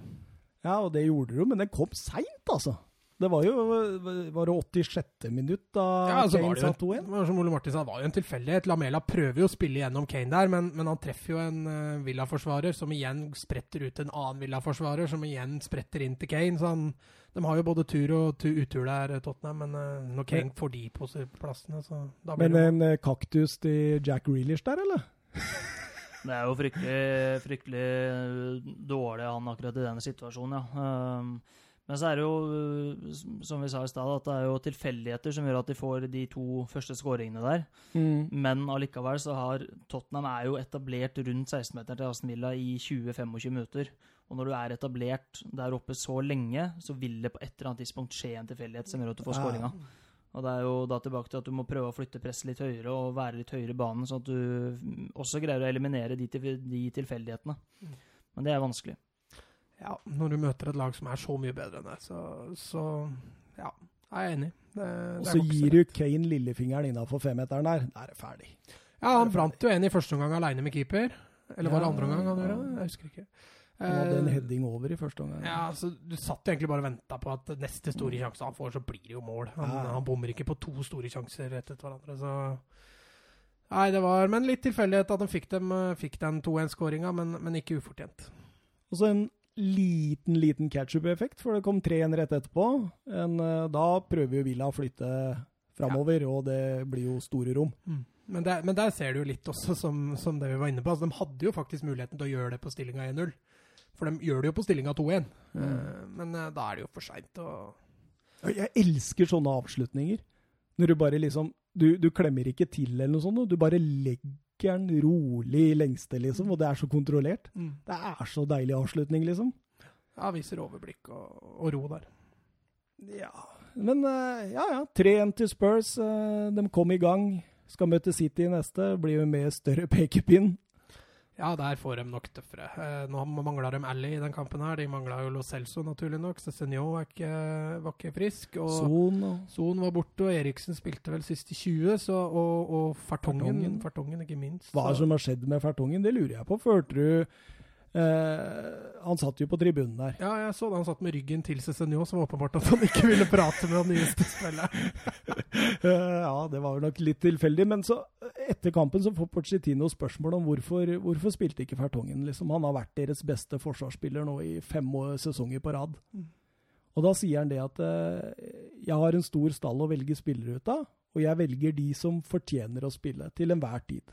Ja, da skjønner jeg det blir litt spekulasjoner. Ja, det, den syns jeg var litt merkelig. Ja. For da må det ha skjedd noe, for han var jo ikke dårlig i sist treningskamp mot Inter. Nei.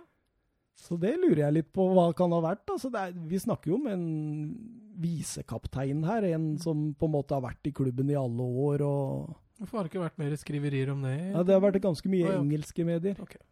Men i, no i Norge så bryr vi oss mest om Manchester United og Liverpool, vet du.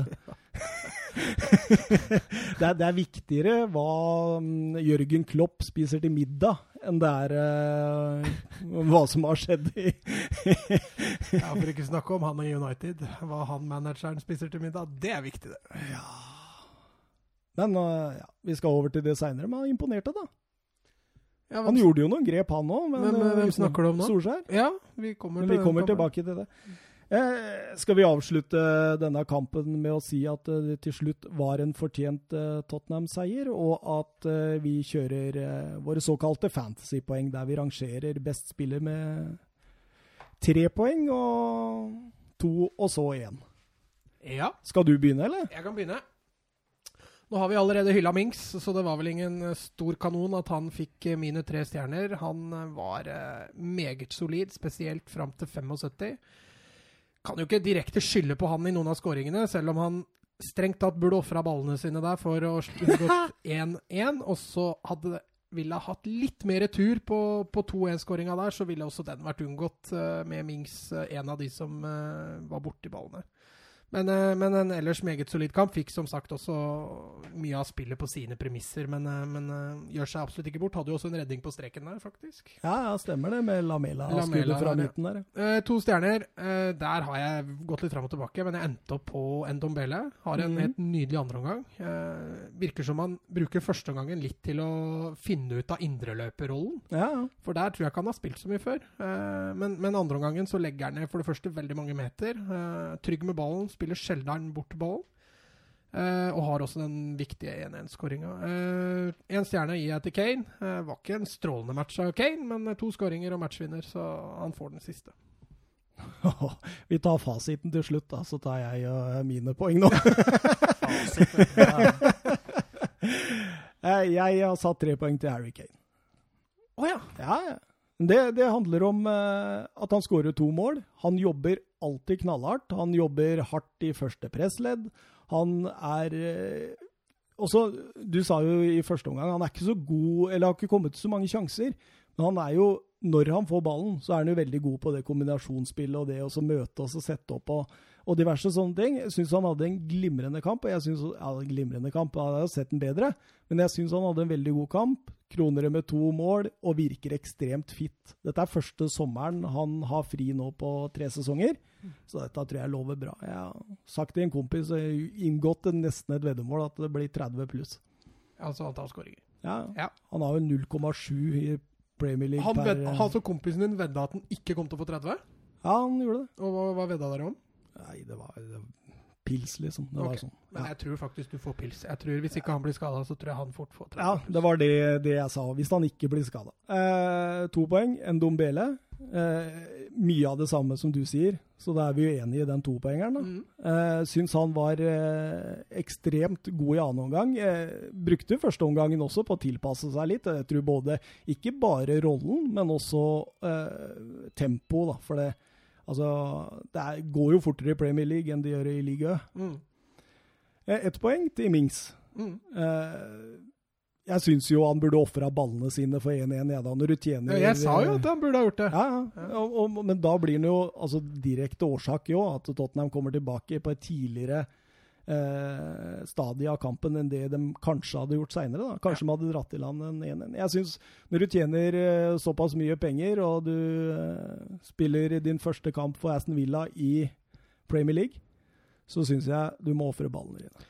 Ja, og han har tjener såpass mye penger at han kunne adoptert. hvis det skulle gått og, så, og så tenker jeg også litt på det at eh, jeg, jeg syns, og det sa jo Ole Martin litt også, at eh, han fikk jo en ganske grei jobb i forhold til forutsetningene sine, fordi Tottenham var jo såpass forutsigbare i første omgang. Jeg syns han sliter mer i annen omgang, også med posisjonsspillet.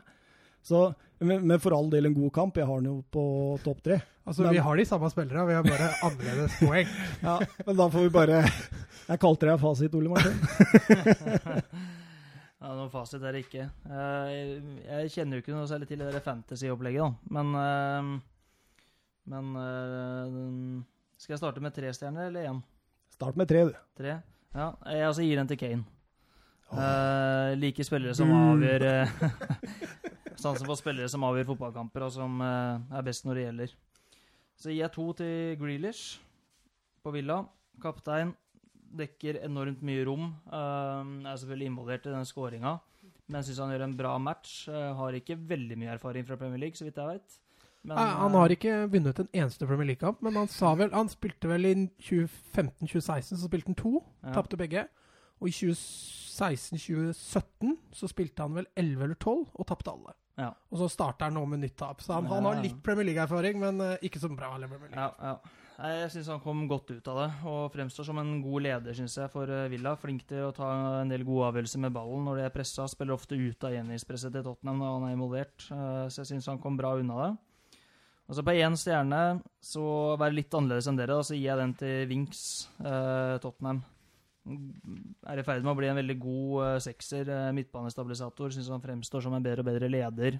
Eh, god med ballen. eh, kan fortsatt spille oftere framover, men eh, det kommer seg. Og en god ballvinner. Ja, vi har skrytt mye av Wings i denne podkasten, faktisk. Ja, vi har det. Vi har skrytt av Graylish òg. Ja, ja, absolutt. Jeg, jeg er, første gangen til Graylish er jeg helt enig. Han er, syns han er helt nydelig. Eh, ro Mm. med ballen, flink til å spille. Eh, ja. Nei, jeg er ikke, jeg er ikke voldsomt uenig med deg. Altså. Jeg er ikke det. Nei, nei, absolutt ikke. Wings han eh, fikk vel en smell der som gjorde at han gikk ut etter hvert. Ja, han blei jo ofra for Eriksen, i hvert fall. Ja, det var vel kanskje det. Men jeg husker han fikk jo en skikkelig takling der rett før, så jeg veit ikke om det ja, Men, men uh, Det hadde de kanskje gjort uansett. kanskje.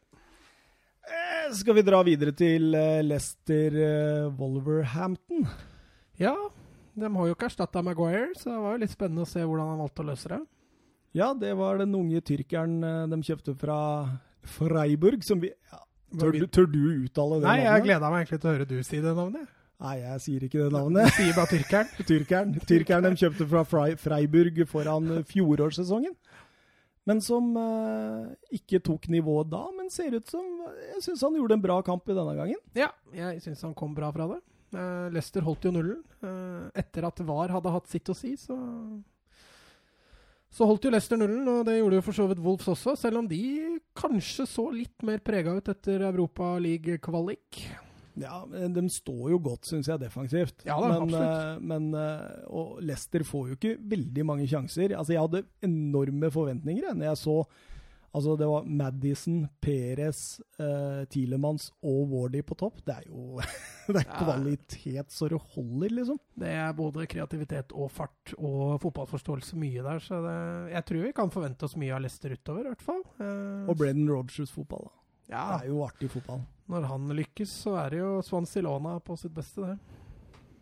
Men jeg, jeg tenker jo det at eh, Vi så jo for oss en jevn match. Ja. Så 0-0, det var jo ikke noe sjokk. Men jeg trodde det skulle bli litt mål, da. Ja, det hadde jo vært artigere om det hadde blitt noe mål, selvfølgelig. Eh, men det var ikke noe sånn voldsomt mange store Nei, muligheter heller, så det blei jo det ble litt sånn kjedelig fotball. Leicester trilla mye ball, veldig mye sidelengs. Mm. Og Wolverhampton prøvde åpenbart å ta Leicester på overganger. Ja. Eh, men de alle overgangene stoppa Wilfred Ndidi, så det? Han var stor, altså! Det er en spiller jeg begynner å få mer og mer sansen for. for han, ja, Litt som den moderne dype som vi snakka om, som eh, ikke bare leverer fra seg ballen, men faktisk kan gjøre noe kreativt framover også. Ja, det var litt kjipt at Den Donker fikk den annullert, for han har jeg på mitt fantasy i likhet med fire millioner andre. Så hadde fått en scoring der, var litt synd. Men det var jo sånn reglene skulle være. Eh, er ballen borti hendene og det blir scoring, så, så skal det annulleres. Er du enig? Ja. Jeg ser du leter febrilsk i papirene dine. Da. Etter Arsenal-Newcastle. Fant du den, eller? Nei, så du, du kan jo begynne å snakke litt om Arsenal-Newcastle, så kan jeg se hva jeg har der. Ja. Nei, det blei jo 1-0 til Arsenal. da. Eh, Jeg må jo si jeg var litt, eh, var litt skuffa. Jeg vet ikke, Fikk du sett startoppstillinga til Arsenal der, eller? Nei, det har jeg ikke gjort. For den eh, mangla jo både Ceballos og Lacassette og PP og David Louis og Tierney og alle de nyinnkjøpte gutta var jo ikke der. Eh, Satt, noen satt på benken, riktignok, men eh, Men samtidig kult av Emry, da. Så kjøre Altså, han hadde Gendosi, han er vel 20. på midten der. Ja, ja. Og så hadde han Riis Nilsson på, eh, På venstrekanten. på venstrekanten. Og Joe Willoch sentralt rett bak Aubameyang. Mm. Og Maitland Niles på høyrebekken. Så han hadde jo ekstremt mye ungt talent der. da. Ja, ja. Å kjøre det fra start borte på St. James' Park. Ja, men har vi allerede sendt Newcastle ned i gjørma, da, men eh, Men eh, ja, jeg er helt enig. Eh, tøft av Emery, og morsomt ikke minst. Og Arsenal er jo kjent for å gi unggutter sjansen, så Og de kom jo også veldig godt fra det, så det var jo I motsetning til deg, så kan jeg glede meg litt på Arsenals vegne. Men i stad så snakka vi med Ole Martin om dette med å gi spillere beskjed underveis i kamper. Så du, så du Jetro Williams? Ja, ja, ja. så fikk du med deg det, Lol? Nei. Han, eh, Han kommer står inn, da. Ja, da, han står jo inn ved siden av Steve Bruce og får instruksjoner i to-tre minutter, Mm. og så blir han bytta inn. Og han skal åpenbart ut på venstre bekken, sånn at Matt Ritchie går inn i sentralt i midtbanen der. Men det første han gjør, er jo å løpe rett inn sentralt og begynne å jobbe der. Ja. Og så ser du at det blir litt sånn panikk, og han ikke skjønner helt hva. Han får jo sikkert noen meldinger fra sida der og sånn. Og så plutselig så løper han ut til Matt Ritchie, og da blir de jo tre stykker på den venstrekanten, før de står og har en liten konversasjon, hvor Matt Ritchie bare han bare liksom ut med arma som 'hva mener du', liksom. Og så blir de spillende der Begge to på venstrebekken. et par minutter igjen før Kanskje det var det beskjeden var. Steve Bruce skulle være litt innovativ, så han kjørte to venstrebekker. da, vet du. Ja. Og når ballen går ut, da får de justert dette, da. Og første eh, situasjon etter dette, når han har fått rota seg og er aleine på bekken, så følger han ikke med, blir snappa opp, og kontring. Aubameyang igjennom, 1-0. Nei, det var ekstremt. Det var noen fatale minutter eh, for Joshua Williams. Eh, Det er debuten. Altså, Så passiv som han er der òg. Altså, pasningen Hadde han bare tatt tre skritt fram, så hadde han brutt den før, eh, før var Maitland Niles som kom der. Ja, ja. Um, som, som ville avverga hele skåringen. Isteden så står han på hæla. Han, han datt jo nesten bakover, for han Mm. sto så mye på hæla der. At, uh, men uh, også, Nei, det var, det var så fatalt. Og sånn kan han ikke holde på i Premier League. Og hvis han fortsetter med det, så får han tre kamper, og så er han ja, ja. Jeg tror Steve Bruce, den der Ja, det var, altså det var coaching i båndklasse, eller hva vi kan Ja, ja, kalle fordi det. altså, selve inngangen og selve utførelsen av matchen til Newcastle var jo ganske bra. Ja da, vi satt jo der og var egentlig litt, litt imponert, i hvert Ja, absolutt. Og jeg tenker også det at eh, vi drev og snakka om at nå går han jo fra Rafa Benitez til en mer markant 4-4-2, som Bruce stort sett har vært kjent for. Mm. Men han fortsatte jo i en 3-5-1-1 som Rafa Benitez har spilt det siste året. Mm. Så det var jo litt sånn Han tok rett og slett bare over stafettpinnen, da. Nei, men jeg er enig. Det så ikke så halvgærlig ut. Men, bortsett fra at Arsenal selvfølgelig stilte litt svekka. Kolasinic og Øzil har jo fortsatt vært i bråk, så de var jo heller ikke med. Ja, forferdelig, vet du. Forferdelig, det greiene. Har du, du hørt om det der, eller? Nå har det blitt sånn stor mafiagreie der. Ja, jeg har fått med at det er litt uh, interne stridigheter, ja. Ja, men Sånt er skjer på strømmen hele tida. Det er, det er så mye mafia-dritt der, så Der er det Det er Ole Martin veldig vant med. Der er det så mye rart. Så Men når jeg eh, tredde på meg Strømmen-drakta i vår fantastiske Strømmen 3, ja, ja. da fikk jo jeg høre hele tiden at Strømmen er drømmen, jeg, da. Jo, det, var, det, er jo, det er jo det. Det er jo drømmen. Eh, men du må bare Hvis du er derfra, så er du inne, ikke sant. Hvis du ikke er derfra, så er det slitsomt. Men nå, nå veit de jo ikke hvor lenge disse to spillerne blir isolert, fordi det har blitt, de har kommet midt i en svær bandekrig. da. Ja, jeg skjønte det. Det var Har, har du sett sosiale medier? Det er så fælt. altså. Øsil han blir håna for at han stakk. ja. Er det rart å stikke fra knivmenn, liksom? Er det blitt rart i dag? Ja, ja, men når du står ved siden av Kolasinac og ser hva han gjør, så ser det, jo kanskje, det kanskje litt rart ut. Ja, men likevel, altså. At Kolasinac er gæren, det er ikke Øzil sin skyld. Altså. men, for, men, men hvis vi skal gå over til kampen, da. For en avslutning av Bomianga Ja, ingen tvil. Han, To eh, touch. Det skal vi seinere tilbake på. Jeg tenker på Rashford eh, 3-0-skåring. Men det der er to touch. Ett touch for å legge inn til rette. Ett touch for å gi mål. Mm. Det er litt sånn. Toppskårerverdig. Ja, det er det, Han også Jeg syns det er så vakkert når spissene gjør det. Vi får se hvordan Emery velger å gjøre det når Lacassette kommer tilbake igjen. Men, men eh, det kan fort hende Aubameyang havner litt mer ut på kanten. Da vil Mm. han kanskje ikke være en så klar uh, toppskårerkandidat. Men hvis han fortsetter som en spiss, så tror jeg han blir i likhet med, med Kane en spiller som kan være oppe og snuse litt på 30-målet-grensa. Og vi snakka jo om fireren til Leicester foran. Tenk på fireren der, da, med PP og Aubameyang på hver sin uh, Ikke kant, kanskje nødvendigvis, men rett bak Lacassette med en Chebayos uh, rett bak. Mm. Lacassette kan bli fora ganske bra. Han kan det, altså. Jeg tror fort han kan ende opp helt oppe i toppen på toppskårerlista der. Ja, enig. Manchester United-Chelsea, eller? Ja. Hovedkamp? Åh, gleda meg. Altså. Da gleda jeg meg faktisk. Ja, du gjorde det? Ja. Jeg hadde jo en G16-kamp uh, samtidig, så jeg fikk jo ikke sett den live. Så jeg spurte jo deg høflig om ikke vi kunne ta den uh, klokken ti på klokka ti på kvelden. Men jeg må jo si at jeg gleda meg veldig og hadde sett frem til det. Og så var det selvfølgelig en nisse da, som nevnte det resultatet rett før jeg skulle gå til deg, så jeg visste jo resultatet. Og det ødela jo litt kampopplevelsen, da. Ja, det skjønner jeg godt. Uh, en nisse der, altså. Ja, en nisse der. Men jeg tenker um, Jeg forventa en ganske jevn kamp. Jeg sa, jeg sa jo til deg 1-1, tippa jeg jo i forkant. Mm.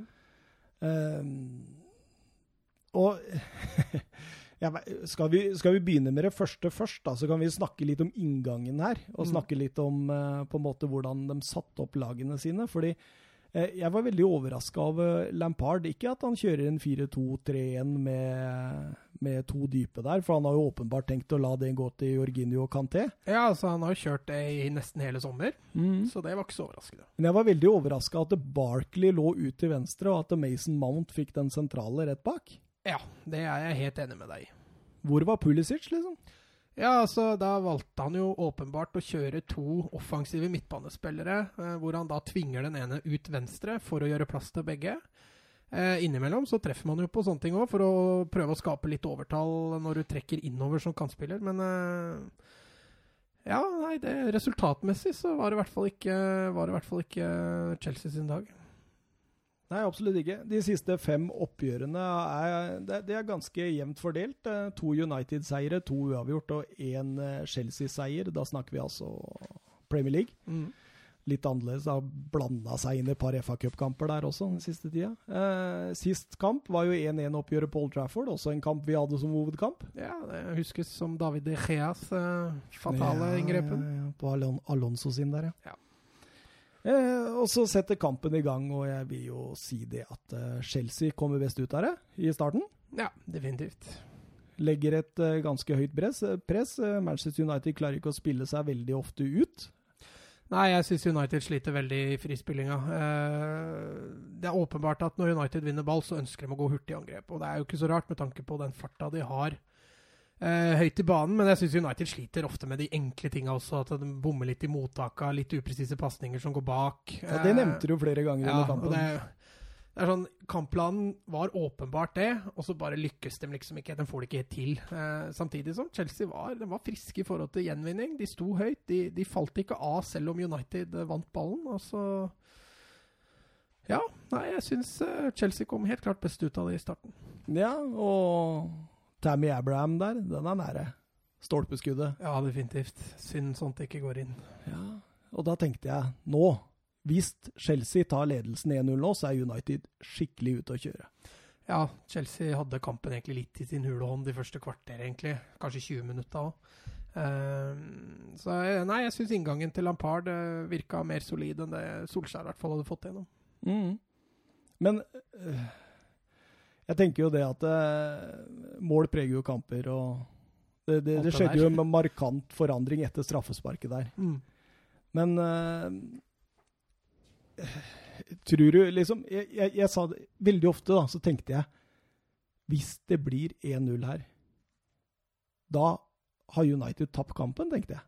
Men Solskjær har jo sikkert en plan B, hvis det skulle skje. Mm. Selvfølgelig. Vi er jo ikke så Men jeg så bare for meg at denne vinner United om de skårer første målet, for da må Chelsea stå enda høyere, og så får, får de litt større plass i den eh, oppspillsfasen, så vi får satt i gang disse hurtige eh, oppspillspunktene og kantene og alt som kommer, da. Mm.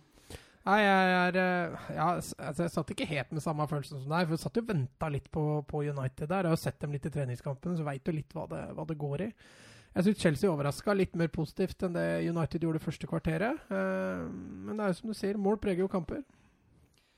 Ja, det var to lag som jeg syns angriper kampen på veldig lik måte. Det er uh, to lag som har fokus på intensitet, presspill og spill i lengderetning. Og så kommer jo Chelsea på mange måter best i gang. Um, men jeg syns United jobber seg bra inn, og jeg syns det er to lag som fremstår for så vidt ganske ok. Det er bra intensitet i det de gjør. De er forholdsvis gode i presspillet sitt. Um, jeg liker fotballen de står for. Uh, raskt framover. Og så er jo spørsmålet om, eller litt for begge lag, om intensiteten blir viktigere enn kvaliteten. Mm. Uh, spesielt United sliter jo veldig med Pogba og McTominay, som blir dratt ut uh, når United har ball, og så er balansen for dårlig. Mm. Og også i uh, både presspill og etablert forsvar syns jeg Pogba og McTominay sliter stort det første gang. Som gjør at uh, både Maguire og Lindelöf uh, må litt ut av posisjonen innimellom. Og det gjør at Chelsea får noen muligheter der. Mm. Men jeg legger også merke til det også, at han, han, han sleit litt med å bruke Pereira og Lingard. Mm. For han starta jo med Pereira i den off-midt-rollen. Og så så man jo åpenbart at det ikke fungerte, for han greide jo ikke å støtte Pogba og McTominay langt ifra nok i forhold til hvordan Chelsea spilte, og hvordan kampbildet ble. Så han bytta ja. med Lingard. Ja. Uh, og så kom jo skåringa til United, og så snudde jo kampbildet lite grann. Så Solskjær gjorde jo en plassendring der som justerte, som jeg følte at uh, ja, det var nok en heldig, heldig rullering, selv om selvfølgelig mål preger jo kamper. Ja, absolutt. Og jeg vil jo for en gangs skyld hylle dommeren, ja, da, på den uh, eh, 1-0 Ja, definitivt. For en gangs skyld. Ja, jeg har jo, en, har jo, en, tendens til å bære litt nag til de, de i svart. Men den fordelen han dømmer der, den er gull verd. Ja, det er en deilig fordel. Ja. Og når han ser den, og så går han helt inn. Rashford kommer én mot én mot Zuma, blir klippet ned. Soleklar straffespark. Eh, kampens prestasjon, den dommerprestasjonen, syns jeg. altså. Ja, Det er ikke langt unna, i hvert fall. Det er uh, veldig bra dømt. Det, det hadde ikke skjedd i Obos-ligaen. Men Zuma han hadde en dårlig kamp. I ja, hvert fall første omgang. Å, fryktelig! Han var, uh, han var ute og sykla. Altså, han spiller bort ballen gang på gang, og så i tillegg lager han straffesparket. Uh, han sliter også på tempo med når United treffer på pasningene i overgangene. Så, mm. så, sliter Zuma både i plasseringsspillet sitt, men også det å ta ut motstander, både med og uten ball. Og når han da på toppen av det hele skaffer det straffesparket der, så Nei, jeg syns litt synd på, på Zuma, men uh, på det nivået der så blir du så knallhardt straffa hvis ikke du gjør jobben din ordentlig. Altså. Men så solid han var i Everton. Og så ufattelig dårlig han var i denne ja, kampen. Vi satt jo også og prata litt om det. Christensen og Zuma. Chelsea ønsker åpenbart å spille seg ut bakfra, de også, ja, i likhet ja. med de fleste andre. Eh, men når du da sitter med Christensen, som for så vidt er OK med ball, noe, men, men, så har han Zuma ved siden av seg, som åpenbart sliter langt mer. Da. Så nei, Chelsea har en liten utfordring der, altså på stoppeplassen, i forhold til det offensive. Kanskje dumt å selge David Louis, da? Ja, Han vil jo vekk, vil han ikke? Jo, kanskje. Jeg veit ikke. Um, Rashford setter i hvert fall straffa. Nydelig. Ja. Helt opp i hjørnet. Det er, si på den. Du sa det også når vi så den straffa, at uh, den er godt satt. Ja, det, altså du skyter den over keeperhøyden, og du skyter den hardt, og det er velplassert. de straffene går inn ti av ti ganger. Og etter den kampen, Ole Martin, nei, etter det straffesparket, da, da blir jo kampen helt, nesten helt jevn, og blir nesten litt mer stillingskrig, tenker jeg. Ja, det er um, i, i, og med at det var to lag som uh, primært fokuserte på sitt eget spill, virka det som. Begge lagene hadde lyst til å få til presspillet sitt og hadde lyst til å få til uh, både overgangsspillet sitt og spille i lengderetning, så ble det ganske åpent. Uh, så det kunne på mange måter vippa begge veier, det der. Mm. så er det litt interessant, det er mange som har snakka om at Chelsea kunne, eller burde leda til pause.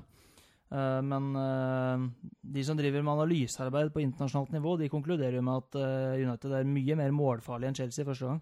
Mm. På noe som heter expected goals. Så er jo Ja, til pause så er det 1.31 til United og 0.44 til Chelsea. Nei, ok. Totalt så ender United på 2.57 og Chelsea på 1.12. Så det er jo en uh, veldig fortjent seier uh, sånn sett, da. Og også til pause. Veldig fortjent at United leder. Expected goals er jo da de regner ut avslutningene som laga kommer til, og hvor ofte det blir mål i de situasjonene. Mm. Altså hvor stor en sjanse egentlig er. Ja. For du hadde med deg noe analysearbeid her. som vi ikke er i nærheten av å ha i 90 minutter. Så vi, vi stiller jo litt på blank her i forhold til det analysearbeidet du har gjort der.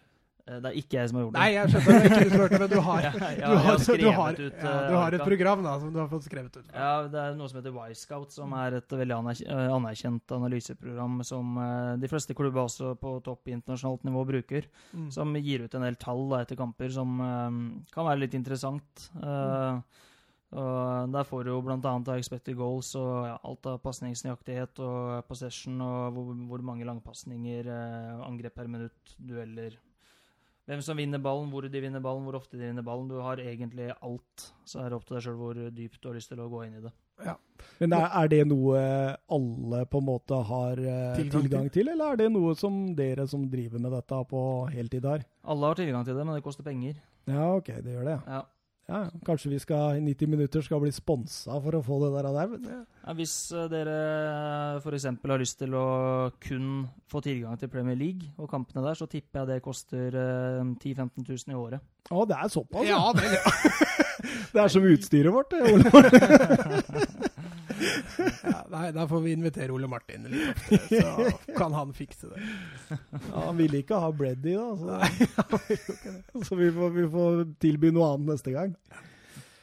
Eh, men, men det jeg tenker på i forhold til pasningsnøyaktighet For der, eh, der sleit jo United voldsomt, som vi var inne på, i startfasen. Men, men den må jo kommet seg ganske brukbart utover i kampen. Eh, litt interessant der, så er det veldig likt i starten av kampen. Og det er det, ja. Uh, Chelsea starter kampen med 84 og dette er altså fram til skåringa i perioden fram til uh, 1-0.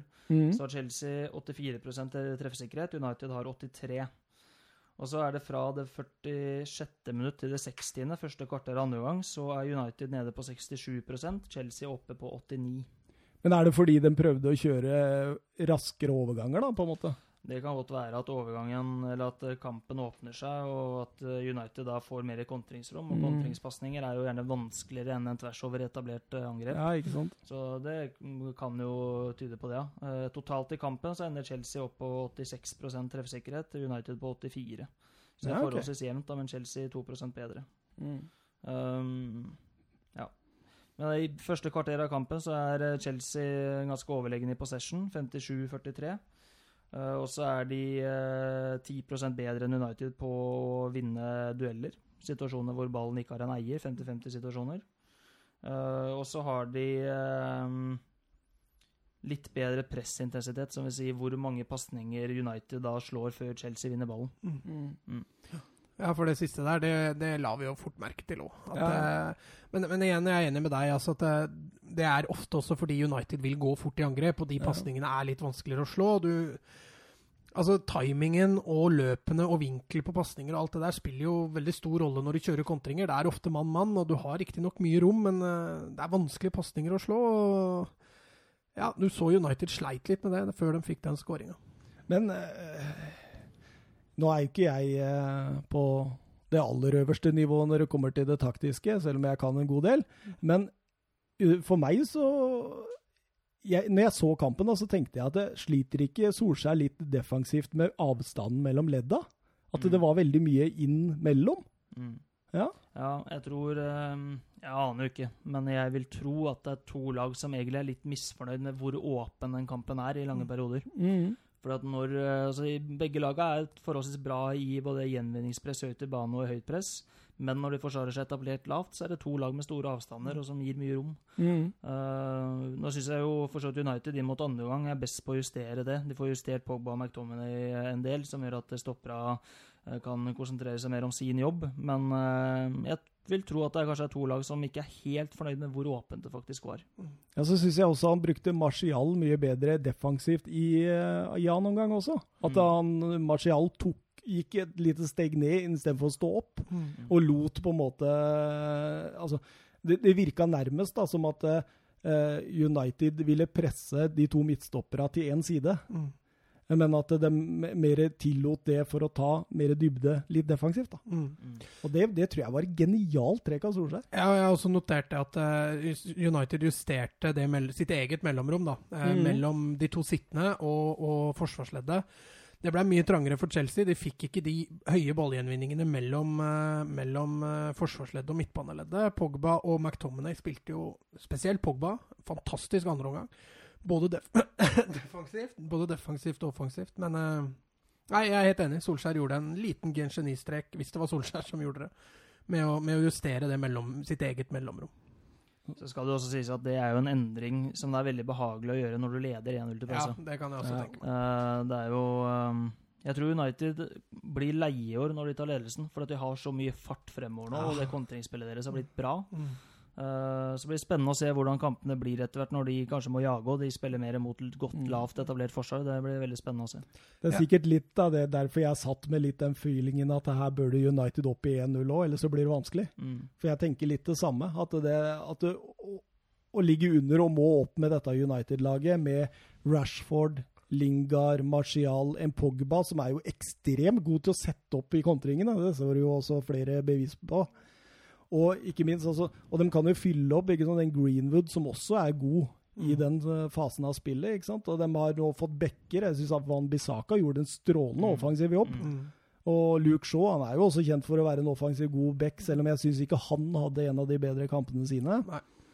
Så øh, jeg, jeg syns øh, Så lenge United tar ledelsen 1-0, så tror jeg det vil gå veldig bra for Manchester United i veldig mange kamper. Og så tror jeg de Jeg tror i hvert fall de vil slite litt mer når de må opp og jage. Ja, jeg er eh, helt enig, men det sa jeg også underveis i kampen mot Chelsea. At jeg husker fra i fjor òg hvor, hvor, hvor, hvor lite skapende United er i etablert. De er ikke noe flinke til å skape sjanser eh, når motstanderen ligger etablert i forsvar. Og det, De har jo veldig lite etablert spill. ja, det er det er også skulle fram til. Det er litt samme som i fjor, hvor, hvor eh, United skaper de største og beste sjansene sine på, på overganger, eventuelt dødballer. Og jeg syns vi så mye av det samme nå mot Chelsea, men forskjellen er jo at de tar jo ledelsen. Eh, Du så jo to siste kamper til United i fjor, mot Huddersfield og Cardiff, er jo, er jo prakteksempler på hva som skjer med United når det offensive etablert ikke fungerer.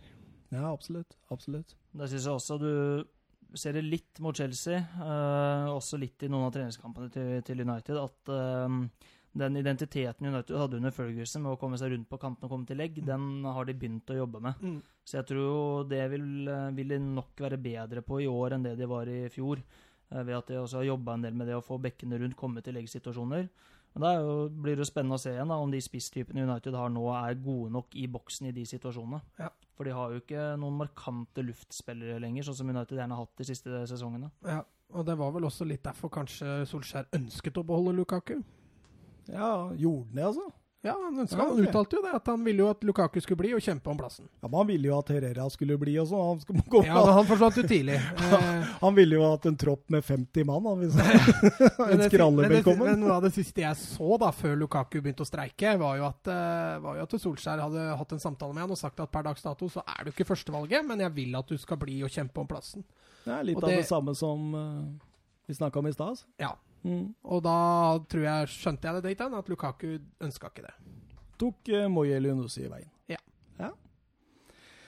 Ja ja, og så eh, går man til pause, da. Chelsea har jo produsert litt. Har vel et par i stolpen. Er det i første omgang eller andre omgang? Han Emerson klinker Nei, det er i der. første omgang. Ja, Så de har jo to i tverra eller i stolpen. og Ja, Abraham har én, og, og Emerson har én. Ja, så det, det ligger jo vipper veldig. Ja da.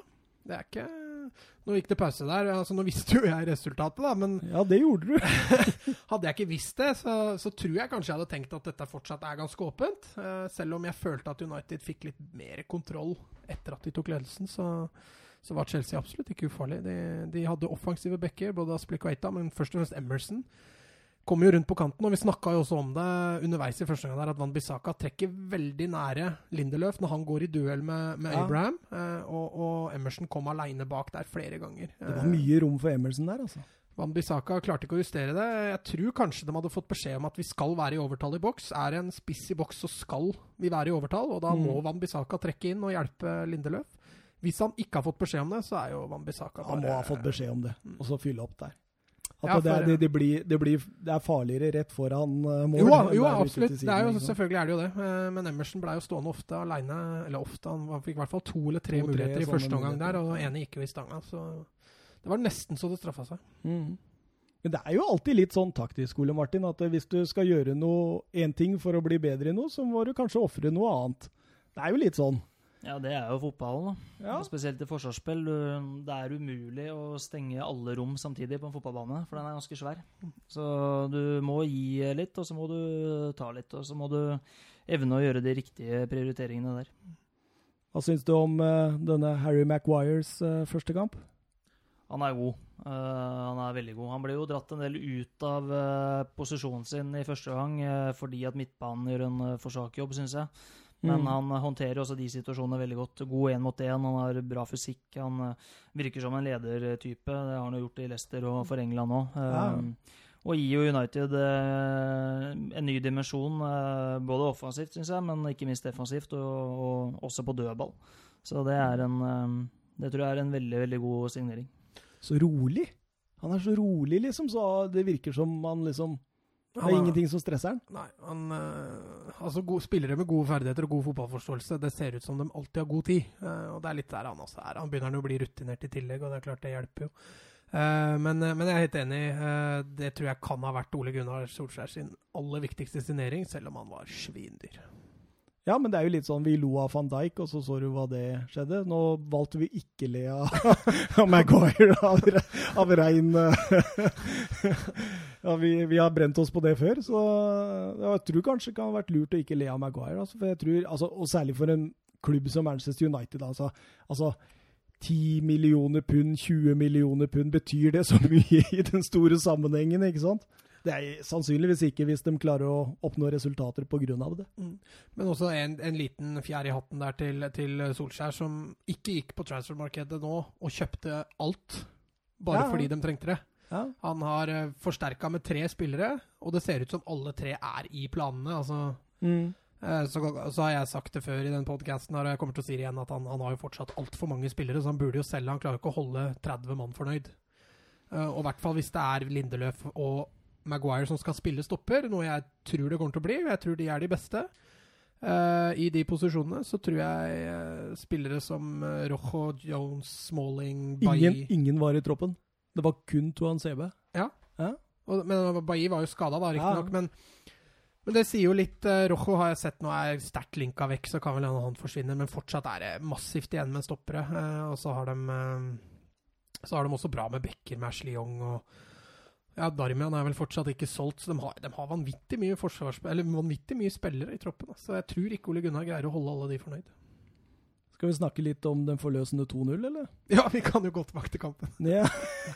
Jeg tenker eh, Abraham står med ryggen mot mål, blir dratt, Ja. dratt litt i av Maguire. Var på grensa til frispark. Ja, jeg hørte i Match of the Day så sa de det at det hadde blitt frispark i samtlige toppligaer utenom i Premier League. Og Obos, da, antakeligvis. Ja, I Obos, så, i i Obos hadde ikke dommeren sett det. Så det jeg sikkert karantene. om- De 400 som hører på her, er ikke, er ikke farlig. Nei, de er kule folk uansett, tror jeg. Så, så.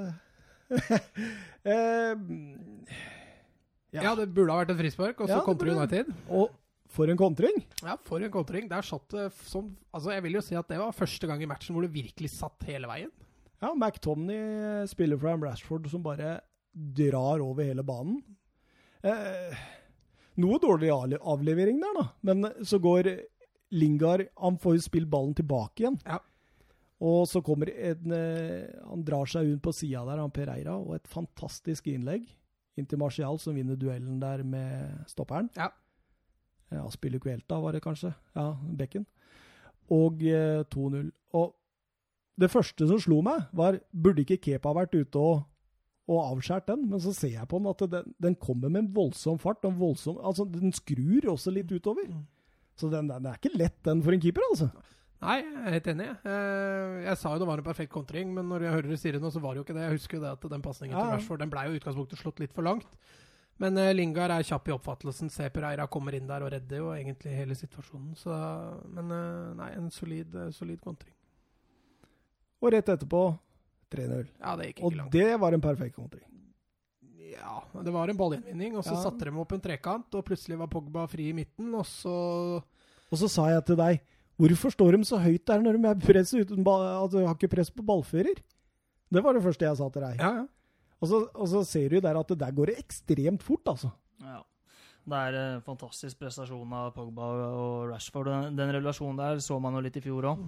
Den er skummel. Men jeg syns også, eh, både på 2-0 og 3-0 og litt utover i kampen, så avdekker du det som kanskje per nå er Chelseas største svakhet. Det er balansespillet til Christensen og Zuma, for det er ikke bra. Eh, De vurderingene de gjør, og hvordan de leser situasjonen, og posisjonsspillet i forkant òg, når Chelsea har ballen, det syns jeg mm, Ja, der har Lampard en jobb å gjøre. Mm. Jeg er helt enig, for du, du, du pausa jo når vi så kampen. Mm. Eh, Idet Pogba vender opp der, så begynner Rashford å løpe. Ja. Han er på det tidspunktet i hvert fall ti meter bak stoppera til Chelsea. Mm. Og når Pogba løfter blikket, så er jo Rashford allerede på høyde med stoppera, og de har Mm. fortsatt ikke begynt å falle. Og så kommer pasningen gjennom. Perfekt tima. Han er akkurat ikke offside. Det er snakk om 20 cm, tror jeg. Ja. Og det resten det Rashford gjør der, er jo verdensklasse. Nok en gang det jeg sa jeg elsker.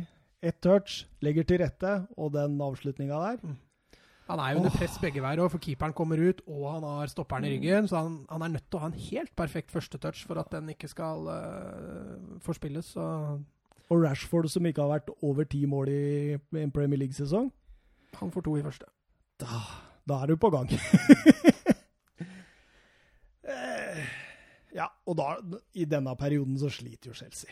Ja, veldig. Ja, det sliter, som Ole Martin sier, også i posisjoneringsspill, og de, de, de får jo liksom ikke noe rytme i det. og Du ser jo Lampard står på sidelinja og virkelig klør seg i huet. Han prøver jo mange forskjellige grep. Ja, det var da legge, le, Han prøver å legge Jorginho litt høyere og, og Kovacic litt lavere.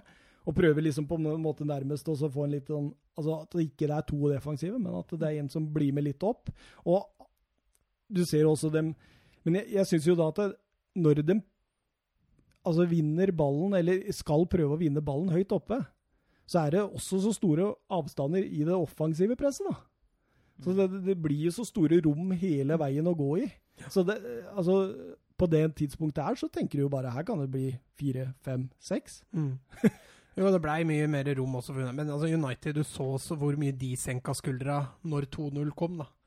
Eh, hva den skåringa betydde for United sånn rent mentalt. Eh, så Nei, det blei sånn Fram til 2-0 så følte du at kampen kunne bikke begge veier, men idet United fikk 2-0, og så kom 3-0 rett etterpå, så, så var det egentlig not meant to be. Og jeg tror Lampard sitter litt igjen med de samme spørsmåla som han hadde før i forhold til det defensive. Jeg, Han venter nok på Rudiger. ja, Rudiger Og blir Kanté. eh, og, Ja, og Kanté ikke minst. Det kommer til å bli ekstremt viktig å få tilbake igjen. Offensivt så så vi jo tidvis at Chelsea har en del å spille på. Du har jo også Hudson Odoi i bakhånd, en Pulisic som ikke starta. Mm. Uh, ja, nei, bortsett fra med det Barkley-manøveren han hadde ut venstre der, så så syns jeg Chelsea ser bra ut offensivt, men de har, eh, de har litt å jobbe med defensivt. Også. I Match of the Day så satt eh, Gary Neville, eh, Jamie Carragher, Graham Sunes og eh, José Mourinho. Og de snakka nesten ikke positivt om United i det hele tatt. De snakka bare negativt om Chelsea, faktisk. De var veldig harde mot Chelsea, altså. Det Hva det gikk på da? Nei, det, det gikk på eh, det vi snakka, har snakka litt om her også, det med, det med å spe, frispillinga. Det, bruken av Spilicuelta var veldig mye nevnt. Mm. At han eh, fossa ukritisk oppover. Uh, Mourinho var veldig opptatt av det at eh, du må ha et grunnspill defensivt. Du må stå der med en blokk. Han brukte ordet blokk veldig ofte. Og at hvis den blokka ikke er der, så er du sjanseløs i dagens toppfotball. Og den blokka var ikke der, sånn. Den, den fantes ikke, for du, du hadde to forskjellige press eh, på en måte deler da, Mm. i laget. Så den var veldig på det, og den mente det at uh, Chelsea offensivt det så helt greit ut. Chelsea defensivt totalt katastrofe, og de lurte på hvor dette kunne ende, den, faktisk. Ja, det er vel litt det vi også har snakka om allerede, er det ikke det? Jo, det er jo det. Men jeg eh, strekker meg også etter den, eller strekker meg, jeg er for så vidt enig i det. Eh, vi har jo nevnt eh, Chelsea som en femteplass i serien i år. Eh, hvis, de får vist offang- hvis de får på plass det defensive, så tror jeg også de kan true topp fire. Men nei, det var Hvor har dere United? fjerde. Fjerde. Fjerde. Så det så jo lovende ut for vår del. da. Ja, de gjorde jo det, men de har jo sine utfordringer, de òg, tenker Ja jeg. i forhold til. Altså, det, det er forskjell på å møte Chelsea i startfasen uten Hodoi, uten uh, Kanté, uten uh, Rudiger, Pulisic. eh, Pulisic osv., osv.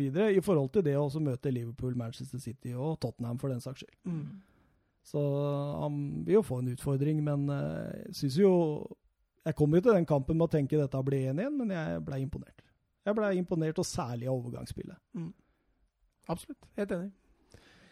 Skal vi bare gå så vidt innom 4-0 òg, før vi Daniel James, det var gøy. Ja, Debutant. Ja. Han ble glad, han. Han ble Det er alltid gøy. Han begynte Ja. nesten å grine, tror jeg. Ja, men jeg elsker det. Idrettsglede. Åh, det er så deilig. det, det er jo akkurat det der Solskjær har etterlyst. Spillere som ønsker å spille og prestere for United. Og jeg tror eh, tipper feiringa til James er noe av det Solskjær er mest fornøyd med etter kampen. At han så at eh, det betyr mye for gutten å Mm. skåre mål på Old Trafford og prestere for klubben sin. Og det, det syns jeg jo Jeg syns jo for så vidt mye av den United-identiteten så du litt igjen nå. Mm. Selv om du kan stille spørsmålstegn ved kvaliteten på enkelte ting, så var det et aggressivt eh, lag som ville spille framover, som ville skape ting, og som var gode i, i gjenvinningsspillet sitt. Så, så jeg, jeg tror nok Solskjær var eh, fornøyd med det. Ja, det tror jeg også. Det at han er brite i tillegg, tror jeg var, eh, var et Mm. stort pluss. Eh, Solskjær har jo prata om at han eh, vil ha flest mulig briter og engelskmenn i United. Og, Og unge spillere unge som spillere, sultne. ja. Og Det- jeg liker, liker fremgangsmåten. Og det United Way har han jo også prata utrettelig om, så jeg, det var et steg i riktig retning igjen, Ja. hvis vi kan si det sånn. at uh, Se bort fra slutten av sesongen Men, i fjor. men så kan vi fort sitte her i neste uke og tenke nå fikk de det hardt mot Wolverhampton borte. ikke sant? Så Ja. man må liksom, Det er viktig, tror jeg, for eh, både Solskjær og spillere å holde litt beina ned på jorda nå og ikke la seg prege av omgivel, omgivelsene. For de har jo vært veldig oppe nå. Nå er det nesten ligagull omtrent, og Solskjær er hylla, og Rashford er verdens beste spiss, plutselig. Eh, Solskjær i Norge blir jo alltid Jeg veit ikke om det skrives like mye om han og England som det gjør i Norge. Tror du det? Nei. At det er like mye haussa? Men, men United, da. En gigantisk klubb. Selvfølgelig skrives det mye. Jo da, for all del. Ja. For all del. Det er jo Tenk å få den sjansen, Ole Martin. Ja, det er uh, helt utrolig. Uh, ja, inspirerende for uh, norske fotballfolk, uh, vil i hvert fall jeg tro. Og så er det jo alltid noen som blir provosert og mener han har kommet for enkelt til det. Men eh, jeg syns det var riktig av United å gå for den løsninga der, i den situasjonen det var. Det var kult. Det var kult valg. Og, det, og jeg tenker jo litt sånn at eh, det jeg har vært mest imponert over Solskjær var så langt i denne tida, det er jo måten han håndterer media alt rundt, ståheien rundt. Jeg syns han virker i hvert eneste intervju som han har stålkontroll, faktisk. Altså jordnær. Ja, Altså, han tar ikke av etter 4-0 Ja, ja. mot Chelsea. Eh, og så får vi se om han greier å få det over på de litt høye på pæra-spillere. Vi har hørt mye skrevet om f.eks. Jesse Lingard, hvordan han eh, kan eh, ferdes Ja. rundt. Og Pogba veit man jo aldri med. Men eh, det virker som han har bra kontroll nå. Men eh, vi, vi fikk jo et lyttespørsmål fra Sigbjørn Okay. angående United. Okay. Eh, United seier hauset litt ekstra opp ettersom det er mot Chelsea? spørsmålstegn. Ikke et enormt sterkt lag på papiret, og resultatet ljuger også litt. Som Lampard sier etter kampen, så bør Chelsea gå til pause med minst 1-0. Hva vi tenker var- du? Vi var vel ikke Vi var vel enige om at ikke det var så hausa, eller? Ah, altså, kampen kan jo fort ende annerledes. Ja, sånn sjansestatistikkmessig. Ja. Jeg. Så eh, Ja. Eh, kanskje litt opphausa i forhold til prestasjon, men det er deler av den prestasjonen som er voldsomt bra. Mm. Og så er det andre deler som er mindre bra. Så, altså, det, jeg, tenker jo at eh, så lenge Solskjær er trener i Manchester United, så er det litt å lov å hause opp det i Norge. jeg syns jo det. Men, eh, ja, men du var jo også innom det, du og Ole Martin, med tanke på, på den statistikken at eh, United var ikke så dårlig som det folk skulle ha det til. Nei, hvis vi skal ta kun statistikk og øh, sette resultat ut ifra det, så øh, bør jo United vinne 3-1. Ja. Det er et fair resultat. Mm. Lede 1-0 til pause. Ja. Um, men det er statistikk, og så har du da det, det kvalitative etterpå, da, det, det, du, det du ser. Mm. Uh, så 4-0 ljuger kanskje litt, men jeg syns United vinner helt fortjent. Ja. Uh, men så er det jo et betimelig spørsmål altså hvor godt var det Chelsea-laget? Ja. Uh, Men sånn er det jo alltid i starten av sesong. Du får jo ikke svar på de tinga der før du har spilt 10-15 kamper. Da begynner jo ting å sette seg og ting å forme seg.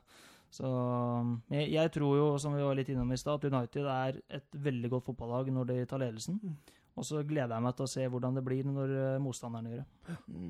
Nei, altså det er jeg helt enig med deg. Eh, vanskelig å si pekepinn i forhold til det Chelsea-laget. Men eh, når Lampard sier at vi bør gå til pause med 1-0-ledelse, så er jeg jo ikke helt enig i det. For det straffesparket hadde jo kommet uansett. Eh, og det var et fortjent straffespark. Så at United har en skåring til pause, det er helt innafor. Jeg hadde vært mer enig hvis han hadde sagt vi fortjente å gå til pause med 2-1. ja. ja, ja. At uh, Chelsea hadde i hvert fall kanskje fortjent en skåring. Uh, ha litt marginer med stolpetreff og sånne ting, men Nei, At den blir hausa litt opp, som sier 4-0, kanskje litt mye, men en absolutt fortjent United-seier. Skal vi ta fancy-poenga? Ja. Hvem har lyst til å begynne? Eller melde deg fortelle? Ja, jeg kan begynne. Ja. Uh, nå har jeg Mings på tre stjerner, så det blir feil. uh, jeg har Pogba på tre stjerner. Uh, en Pogba? fantastisk andreomgang. Ja, men den... første? Hæ? Første? Første omgangen? Ja, den var ikke noe bra. Nei. Nei. Men uh, den andre gangen syns jeg han er ene og alene Ikke ene og alene, men han er mye av grunnen til at United får mye mer initiativ i andre omgang. Uh, den pasningen han har til, uh, til Rashford på 3-0, er Ja, det er, ja, ja, det er pur klasse. to stjerner har jeg gitt til Van Bissaka, først og fremst for det offensive. Han er også bra i det defensive. Flink til å ta ut spillere, spesielt én mot én. Mm. sliter riktignok litt i plasseringsspillet, men, men offensivt først og fremst grunnen til at han får to. Så følte jeg litt for eh, Chelsea. Jeg følte jeg måtte ha en Chelsea-spiller òg. Så Tammy Abraham får den ene, litt fordi han er litt ny i game også, men, men jeg syns han gjør en meget god førstegang. Han, han har bra fysikk, ikke bare eh, sånn styrkemessig, men han har bra fart. Jeg tror mm. han kan bli en meget komplett spiss. Ja. Og målfarlig spiller, ofte på rett sted til rett tid. Eh, var et stolpetreff unna scoring i debuten, men eh, jeg tror det blir bra. Tammy Abraham vet du, han er en sånn spiller som alltid har skåret mye mål men han har bomma på så mye større sjanser. Altså enda flere sjanser enn det han har skåret. Han liksom. må ha tid for å treffe. Ja, Man kommer alltid til dem. Det så vi jo i U21-EM òg, da han kom inn der. Vi forsto jo ikke hvorfor uh, han ble satt på benken for England der. Skal jeg uh, ta før vi tar fasiten? Ja. Eh, jeg har uh, Rashford jeg da, på tre poeng. ekstremt viktig i måten Solskjær angriper på i denne kampen. Eh, fart uh, syns han uh, jobber bra hele veien. Han gjør seg spillbar ofte og går på disse løpa som er så viktige. Og så skårer han, så skårer han jo to mål. Og, ja, to fantastiske mål. Ja, så det, det, holder for meg, det. Matchavgjørende, sånn jeg ser det. Jeg er enig med deg på topoengeren, der jeg satte opp Van Bissaka. Eh, syns han kom fra debuten meget bra. Mm. Eh, bør ikke si noe mer om den. Uh, Ett poeng. Uh, Victor Lindeløf. Uh, jeg veit ikke om det var Harry Maguire som gjorde Lindeløf så god, men jeg har aldri sett Lindeløf så god, og så sikker i posisjoneringsspill og teknisk veldig bra. Uh, så jeg tror han har funnet stoppeparet sitt der, og jeg tror Maguires inntog kan gjøre at Lindeløf virkelig får en oppblomstring og kan bli sett på som en meget, meget habil stopper i Premier League-sammenheng. Ja. ja, Ole Martin? Yes. Nei, jeg har eh, Rashford på tre. Det er en ganske Nei, Ingen av dere har peiling? det er en ganske komplisert rolle han har uh, i angrepsspillet til United. For han skal hele tida komme fra venstresida og inn, og timinga til Rashford er det mest sannsynlig ikke så veldig mange andre i verden som er bedre enn på. Det er vanskelig, det han gjør. Uh, så han uh, syns jeg gjør en veldig bra match og fortjener tre. Så har jeg Maguire på to. Uh, fordi at jeg tror han gjør resten av den fireren uh, veldig mye bedre enn det det egentlig er. Litt samme som van Dijk i Liverpool uh, i stor grad. Og så gir jeg Pogba igjen. Rett og slett fordi at han er en meget god fotballspiller, og den pasninga han har før 2-0 her, er det er vanvittig høyt nivå. Det er nesten kun Mats André Karland som kan gjøre noe lignende. egentlig. Såpass? Er Karland så god? ja, Da dro jeg egentlig en sammenligning. Det var faktisk Ole Martin Årst og Espen Mathisen i fotballekstrastudioet på søndag som mente at det var uh, samme nivå på pasninga til Karland til Celine uh, mot Ålesund som på Pogba. Men, uh, så jeg vil bare sende videre til de. Ja, ja Karland er fin, da. Den var fin, fin. Eh, skal vi ta disse lyttespørsmåla, eller? Ja, vi har Fordi vel, vi må ikke glemme dem denne nei, gangen. Nei, nå må vi ha dem.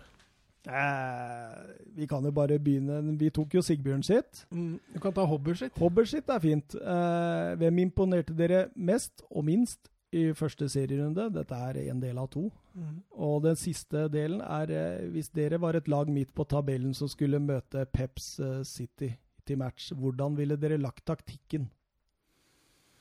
Ja, For å ta det første først. eh, hvem som imponerte mest? Jeg lander på Brighton, ja, altså. Og så syns jeg skuffa mest. Altså, jeg blir nesten nesten lyst til å si Watford, men eh, litt Everton òg, egentlig. Syns de også skuffa litt.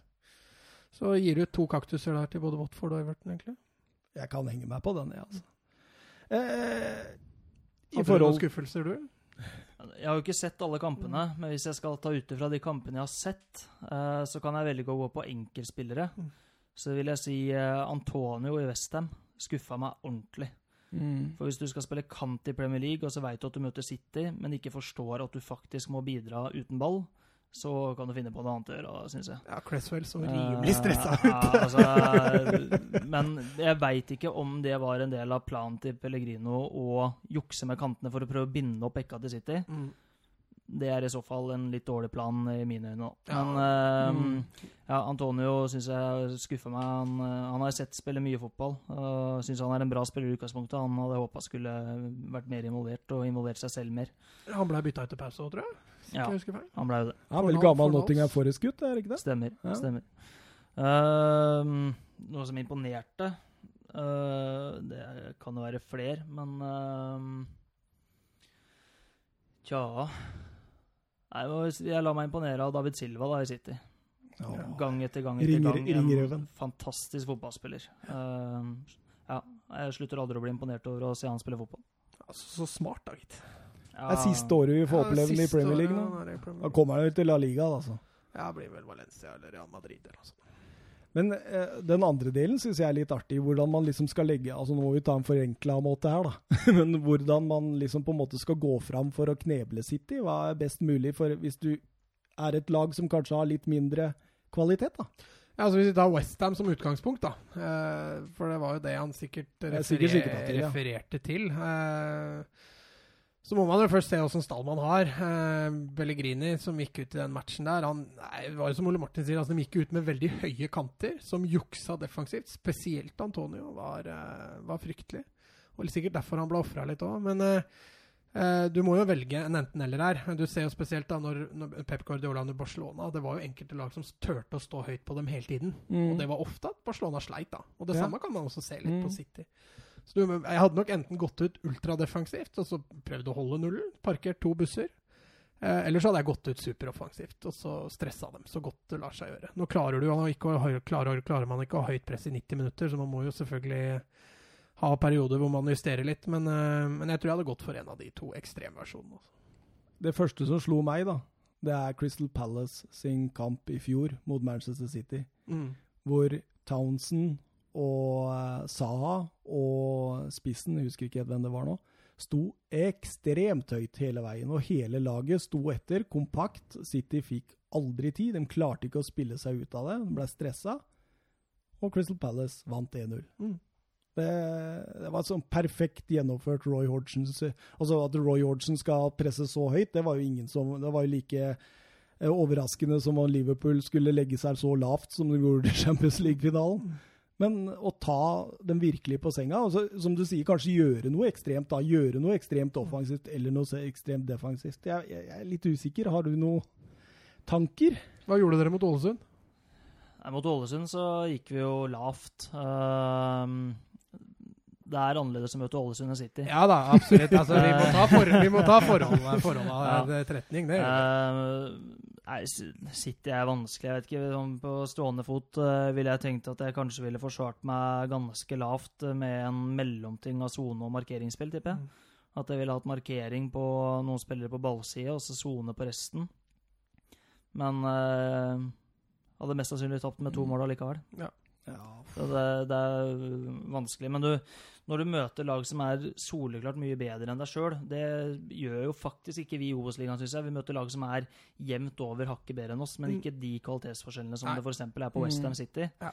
Men da må du gjerne gjøre noe ekstremt for å lykkes. Så det kan jo være å gå kjempehøyt, kanskje i rein mannsmarkering, og bare gønne alt på det. Mm. Mm. Eh, men det kan også være da å legge seg lavere. Men hvis du gjør, legger deg lavt i rein sone mot City, så vil de på et eller annet tidspunkt finne plass et eller annet sted. Mm.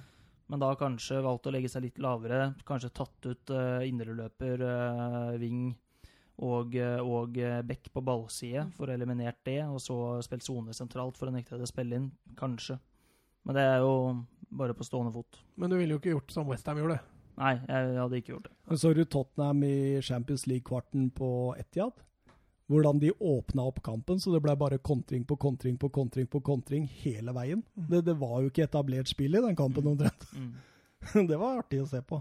Ja, Skulle gjerne gått litt i dybden. Jo, så det Ja, men- jeg du var artig. Jo, jo, men det var, det, det var nervepirrende greier. altså. Det var var og alt mulig rart. Ja, ja. Men det hadde vært litt kult å gått i dybden på den kampen og se hva var det trenere faktisk gjorde underveis der. fordi det, det virka jo så, altså så, Hvis du så også begge trenere, så sto de jo omtrent utafor teknisk sone gjennom hele matchen. omtrent. Det Var, var et enormt sjakkspill, tror jeg. Eh, Skal vi gå litt videre, eller? Ja. Jørgen Nystuen, eh, det er jo tydeligvis til deg dette, Ole Martin. Hadde strømmen rykka opp med Gonzalo Higuain, aka Be Ready, altså den eh, brødpakka som ligger foran det her, Ja. på topp? Uh, Hadde nei. du hatt Higuain? ja, Nei, vi hadde nok ikke det med ham. Nei, det er kanskje Det er én spiller, betyr det så mye? Hvis du, jeg tror at hvis det skulle hatt én spiller som hadde gjort at vi hadde rykka opp For én spiller er jo, hjelper mye, men det er nesten bare Messi tror jeg, som eventuelt kunne vippa det i så stor favør. Ja. Jeg tror selv med Messi så er jeg ikke sikker på at vi hadde rykka opp, altså. For det er én spiller. Ja, ikke Men nå er jeg som trener er veldig glad i kollektiv da, og veldig trua på kollektiv, så det kan godt hende jeg bommer. Hva Ja, du? vi finner nok aldri ut svaret likevel, men uh, jeg er uh, Ja, vi får se, da. Om, uh, nå har dere fått en ny En ny daglig leder. Jeg vet ikke hvor mye penger han har, men Higuain kommer vel aldri til Strømmen. men med Higuain Nei, jeg tror ikke Strømmen hadde rykka opp med Higuain. Altså. Da er det vel egentlig bare ett igjen. Jeg tror vi har svart på alle her. Og den går også til eh, Det står Nesselquist, står det. Du finner plutselig en flaske med en ånde oppi. Den kommer ut og sier Jeg gir deg én Premier League-spiller i hvert ledd til ditt lag. Hvilke fire blir det? Um... Altså Her foreslår jeg også da, altså, at du velger et spiller som også forsterker altså, Hvis du forstår hva jeg mener. altså Samtlige Premier League-spillere hadde kanskje forsterka, men mm, f.eks. Victor Grodås, da, som er en av Obos beste venstrebacker. mm. At du da velger en annen enn det, da, for å ikke miste Victor på venstrebekken. Okay, Ok, ja. Ikke det at du skal snakke ned noen andre, altså, men eh, Nei. Nei da. altså, skulle valgt en keeper, så hadde jeg valgt eh, David De Gea. Uh, Syns jeg er uh, verdens beste keeper. Ja. Um, Vanskelig å si noe er vanskelig å være uenig i det. forsvarsspiller Nei, jeg, jeg tror jeg velger bare å gå for sentrallinjespillere. Uh, Så da velger jeg van Dijk på stopper. Uh, verdens beste stopper. Ja. Sentral midtbane. Det er vanskelig, for det, vil du ta en offensiv, eller? vil en offensiv. en Men jeg, jeg tror kanskje Pogba, eller? Ja, jeg tror eh, Pogba. Altså Sånn er sånn toveis, som kan både være god defensiv, så han får redde deg mange der, men samtidig skåre Han hadde jo sikkert skåret 20 mål i Obos, han. Mm. Han hadde nok fått noen målpoeng, i hvert fall. Uh, det vil jeg tro. Så lenge han ikke vil til Real Madrid. Men da hadde jo Ja. Strømmen fått mye penger. da. Ja da. Så angrepsspiller Da hadde jeg gått for Aguero. Ja, mye mål. Mm. Jeg tror han hadde greid seg i Obos. Tror du ikke han har blitt sparka ned og blitt mye skada? Jo, det kan godt hende, men de, de spillerne de blir sparka ned hardere i Premier League enn de blir i Obos, altså. det. Eh, Så det er eh, Jeg tror ikke det hadde vært så ille for han, men eh, ja. Men eh, det laget, da kunne du kanskje begynt å snakke om opprykk eh, på Strømmen. det kunne vi. da hadde det vært innafor. Men det var et spørsmål til fra Vebjørn Fredheim. Ja, ok. Eh, han lurer på, også Tole Martin, fortelle litt hvordan forberedelse til en vanlig kamp forløper seg, og se frem til kampstart, altså et vanlig kampforløp, altså forberedelsene da, fram til kampstart. Litt hvor mye research på motstander er normalt å gjøre. Satse på en trenerkarriere selv for tiden. Så, Interessant spørsmål. Så ønsker meg lykke til. Ja. Så lykke til, Vebjørn. Lykke til. Ja, lykke til. Uh, det er bare å stå på det. Uh, ja. Hva som er normalt, det, der er det mye store forskjeller, veit jeg. Uh, med hva vi gjør. Vi uh, bruker jo tirsdagene, da spillere har fri, uh, til å gå gjennom neste motstander. Så da um, ser vi minimum tre kamper. Og da er det deg og Jonas Rygg, altså assistent, eller? Jonas har dødballer, og så tar jeg spillestil. Ja. Men det, er ba, Eh, det er bare dere to, eller drar dere inn flere? Eller? Nei, det er bare oss to. Mm. Uh, og da spesielt nå som vi er ganske langt ute i sesongen, så ser du jo Du begynner å få god oversikt over laga. Så du, du holder som regel med tre kamper. I starten av sesongen så kunne vi se gjerne fem-seks. Mm. Eh, mens nå ligger det på tre matcher, og, og da ser vi jo etter trender i angrepsspill og forsvarsspill. Mm. Hva er det som går igjen, og hvordan kan vi bruke den informasjonen til å vinne. Uh, treningsuka vår er jo da restitusjon mandag, fri tirsdag, trening onsdag, torsdag, fredag, lørdag. Onsdag og torsdag jobber vi med eget uh, spill og våre egne prinsipper. Fredag og lørdag er kampplanøkter. Da går vi opp eh, kampplan og jobber stort sett 11 mot 11 og, og hvordan vi skal vinne matchen. Uh, men fortsatt med fokus på våre grunnprinsipper så langt det går. Hvordan vi kan bruke våre styrker til å vinne. Så dere ser fortsatt Um, mest på hvordan dere spiller, og dere legger ikke så mye opp til hvordan motstanderen spiller. Det kommer an på hvem vi møter, Ja, og, og hjemme, bortebane og en del sånne ting. Men så langt det går, så ønsker vi å holde fokus på vår identitet. Og så eh, Om vi da velger å fokusere på mellomromsspillet vårt eller innleggsspillet vårt, det kan variere, da. Ja. Um, ja, øh, søndager er jo greit. Det er jo kampdag. Da, jeg pleier å være tidlig på kontoret, sitter og titter litt på de bildene vi har tatt ut. eh, Så forbereder du jo plan eh, B og C, som regel. Eh, Hva skjer hvis vi får rødt, de får rødt, eh, skade her og der, de tar ledelsen, vi tar ledelsen, vi er for lave. Mm. Vi blir kontra på altså, hva som helst, da, med at du har noen, har noen ideer om hvordan du skal håndtere det og det.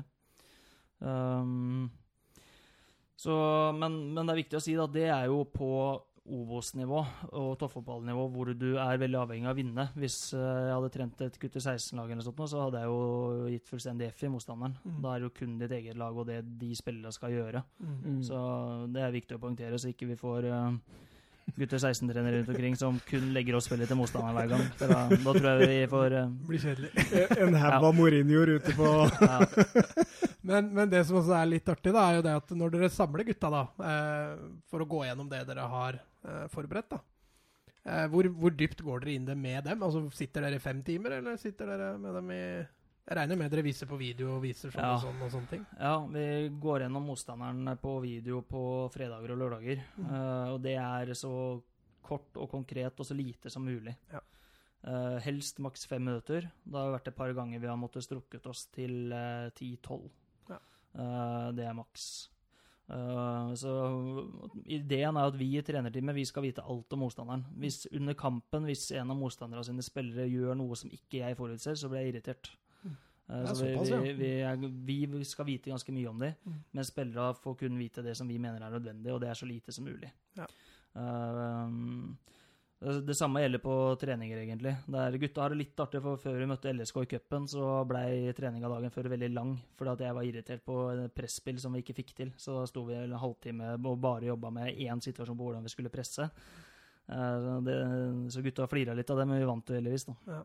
Det funka. Det- Den halvtimen var verdt det. Akkurat det funka. Men uh, generelt sett så mener jeg at du må ha korte og presise beskjeder, eh, skape overskudd. Og, og så må vi alltid jobbe med å selge inn motstanderen på en måte som gjør at vi får eh, trua på å vinne. Mm. Så når vi angriper kampen, så må vi alltid ha trua på at dette er mulig. Det er også en veldig viktig del av det. Ja, Men, men hvordan, hvordan føler du deg når du har slått Lillestrøm ut av cupen, liksom? Og når du kommer hjem, liksom, er det Jeg er jo glad, men eh, jeg er veldig opptatt av at du som fotballtrener du må aldri gå i kjelleren når det går dårlig, og du må aldri ta av når det går bra. Ja. For at det går opp og ned. Sånn er fotball. Mm. Eh, Du kan være i flytperiode hvor du vinner flere kamper på rad. Eh, Hvis du tar av da, så blir det veldig lang vei ned igjen når du plutselig snur. For det gjør i fotball. Ja, ikke sant? Uh, Så um, jeg syns det var artig. Jeg er glad, veldig glad på supporteres vegne. Uh, Glad på gutta sine vegne. Samme var det når vi slo Glimt i cupen. Mm. Uh, selvfølgelig litt artigere å slå LSK, men, men jeg er opptatt av at du, du skal være glad, men det er ikke noe vits å ta av. Ja. Det tror jeg også er veldig viktig. Det går veldig opp og ned. Nå er jeg på et mye lavere nivå enn deg, men, og der varierer det enda mer. Så det er viktig å selvfølgelig være litt selvkritisk når ting går dårlig, men, eh, men ikke gå i kjelleren. Og det samme gjelder når det går bra. Eh, Det var et det- av problemene mine som fotballspiller. altså. Ja, ja, jeg Jeg kan tok- tenke meg det. Tap så hardt at jeg gikk nærmest i kjelleren og måtte jobbe meg oppover. og når jeg vant, så var jeg kanskje litt ufyselig. Kan tenke meg det. Eh, Tida eh, rusler, ass. Ja, jeg sa det. Tida flyr. Vi, vi kjører tre minutter på episodens talent. Ja, jeg, jeg kan være kjapp, jeg. Mm. Eh, Begynn, du. Ja, jeg, eh, vi ble bestemte oss på forhånd å kjøre et forsvarstalent. Ja. Det bør jo nevnes. ja. Eh, så jeg gikk for nok en katalaner. Riktignok ikke Barcelona-spiller denne gangen. Eh, Erik Garcia spiller eh, til daglig nå i City. Han er født 9.1.2001, så han blir jo da 18 år i, han blei 18 år i år. Mm. Eh, har allerede rekket å sitte på benken for Manchester City. Etter at Mangala nå ble fristilt og eh, Company eh, la opp, holdt jeg på å si, gikk til Anderlecht, så kan det hende at Garcia får en, får en fjerdestopper i, i City bak Otamendi. Mm. Og at han får noen minutter for City allerede i år, det, det er jeg ganske sikker på. Garcia er en, er en spillende stopper. Ikke veldig uventa når det kommer fra, fra La Masia. Han er ikke sånn super piqué-robust, men, men, men han er, kommer til å bli en ganske tett forsvarsspiller etter hvert. Det er jeg ganske sikker på. Eh, grunnen også litt til at jeg valgte Erik Garcia. Jeg går litt for litt tryggere talenter enn det du gjør. Du går jo veldig Ja. utafor portene. Eh, Jeg kjører på, vet du. ja, jeg tar jo litt spillere som ikke nødvendigvis er så kjent, men, men som har kommet litt lengre da, enn det dine talenter ofte har gjort. Så at Erik Garcia blir en, eh, blir en uh, spiller på en av de øverste nivåene, det, det er jeg ganske sikker på. Pep Guardiola har sagt at uh, han spiller som han er 25. Ja. Så det tyder på at han får litt eh, minutter i år. Kan nok være. Min Du lo når du hørte navnet. Loik Mbeso. Eh, Født eh, 13.06.2001 i Sosa Gare i Kamerun. Eh, Midtstopper. Klubb Paris Saint-Germain. Høyrefota midtstopper. Agent Wati Sport eh, finner ikke noen andre spillere i denne agentfirmaet der enn Jordan Lukaku. Oh, ja. Så det er artig. Eh, en spiller som har eh, slått seg oppover i akademiet til Paris Saint-Germain, og som blei tatt opp i eh, Asdalen pga. Eh, VM 2018, da Paris Saint-Germain og Thomas Tuchel mangla såpass mange spillere på trening at han ble dratt opp. Imponerte Tuchel så mye at han sa 'du blir her'. Eh, stor og sterk, eh, ekstremt god i markeringsspillet eh, tross alder. Altså veldig fotballklok. Mm. Var spiss, så han har også en del ferdigheter med ball. Eh, men eh, de har jo forflytta han over til midtstopper. Altså han gikk fra å være spiss til midtstopper i Paris Saint-Germain-akademiet. Eh, allerede spilt haugevis av U16, U17 og U18-landskamper for Frankrike. Og eh, hadde to kamper for Paris Saint-Germains A-lag eh, sist sesong. Eh, var stopper ved siden av Marquinhos der, og gjorde jobben bra. Paris Saint-Germain vant begge kampene han spilte. Paris Saint-Germain vant jo stort sett. Ja, de gjorde jo det.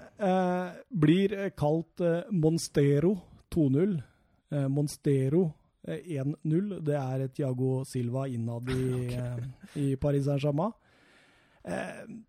Treneren til Frankrikes U19-landslag, eh, Patrick eh, Gorifone, sier, eh, beskriver han som en fysisk tøff, teknisk bra og behagelig eh, taktisk midtstoppertype. Men å slå seg inn på det franske landslaget i løpet av ti år De har vært inne på det. De det skal, Da skal du faen være god, altså. 20-30 store talenter. Vet du. Det er helt vilt. Og de etablerte òg, de er jo ikke gamle kara. Varan og Nei da. det, det, det der blir eh, Er det noen store talenter i Obos å se opp for? Som du tror kommer Altså ikke nødvendigvis i strømmen, men som du tror kommer til å bli Ja, det er, jo- altså, det er jo absolutt eh, noen av de. Det er jo um, sønnen til Ståla, Markus Solbakken i HamKam, eh, 18 år. eh, dominerer jo i Obos-ligaen nå. Eh, sentral midtbanespiller. Han er jo interesse på fra utlandet. Jeg tipper han kommer til å holde seg innenlands en periode til pga. sin fornuftige far. Men I Kamma, eller går han til Eliteserien, tror du? Nei, På et eller annet tidspunkt så går han til Eliteserien. Men Lillestrøm, eller? Aner ikke. Men uh, det, Vi har snakka om han før her i podkasten òg. Ja, ja. han kommer til å bli god. Uh, så ja, ellers er jo Ålesund har selvfølgelig sine, Starta sine, men uh, skal jeg valgt ut én, så er det kanskje han også litt pga. alderen. da. Dere spilte mot Christian Thorstvedt i fjor. Uh, ja, da var jo ikke jeg trener, Nei, men Nei, dere eh, gjorde det. Men han har hatt en eh, kometkarriere. Han syns jeg virker veldig bra. Han gikk vel fra Stabæk til Viking før forrige sesong, og blei Ja. kåra til eh, årets unge Obos-spiller i fjor. Og så har han jo gjort det bra i Viking i år, så langt. Han har en far som stiller krav til ham, hørte jeg. Ja vel. Ja, jeg hørte et intervju med, med Thorstvedt her, hvor han eh, nærmest snakka ned sønnen sin. på en måte. Han var ikke så bra. ja, det var nesten litt sånn. Må ikke ta han nå. Nei, fin type, det. Nei, du vet hva, vi har runda to timer og et kvarter, ass. Ja, det går aldri bra. Det, det gjør ikke det. Uansett hvor mye, altså. Uansett hvor mye vi planlegger å få det der ned, så går det aldri. Vi kan ikke snakke fantasy, vi nå, vet du. Sorry, sentralpuben. Vi tar det neste gang. Vi tar det neste gang. Ja, vi gjør det. Vi må bare avslutte, altså. Mm. Men det var veldig, veldig hyggelig å ha deg her. Veldig hyggelig å være her. Håper du har eh, lyst til å komme en gang til en gang. Absolutt. Så gøy. Det er bra. Oi! Da går brannalarmen. da kan du så- slå av. Med brannalarmen så sier vi da Adjø, adjø. adjø, adjø.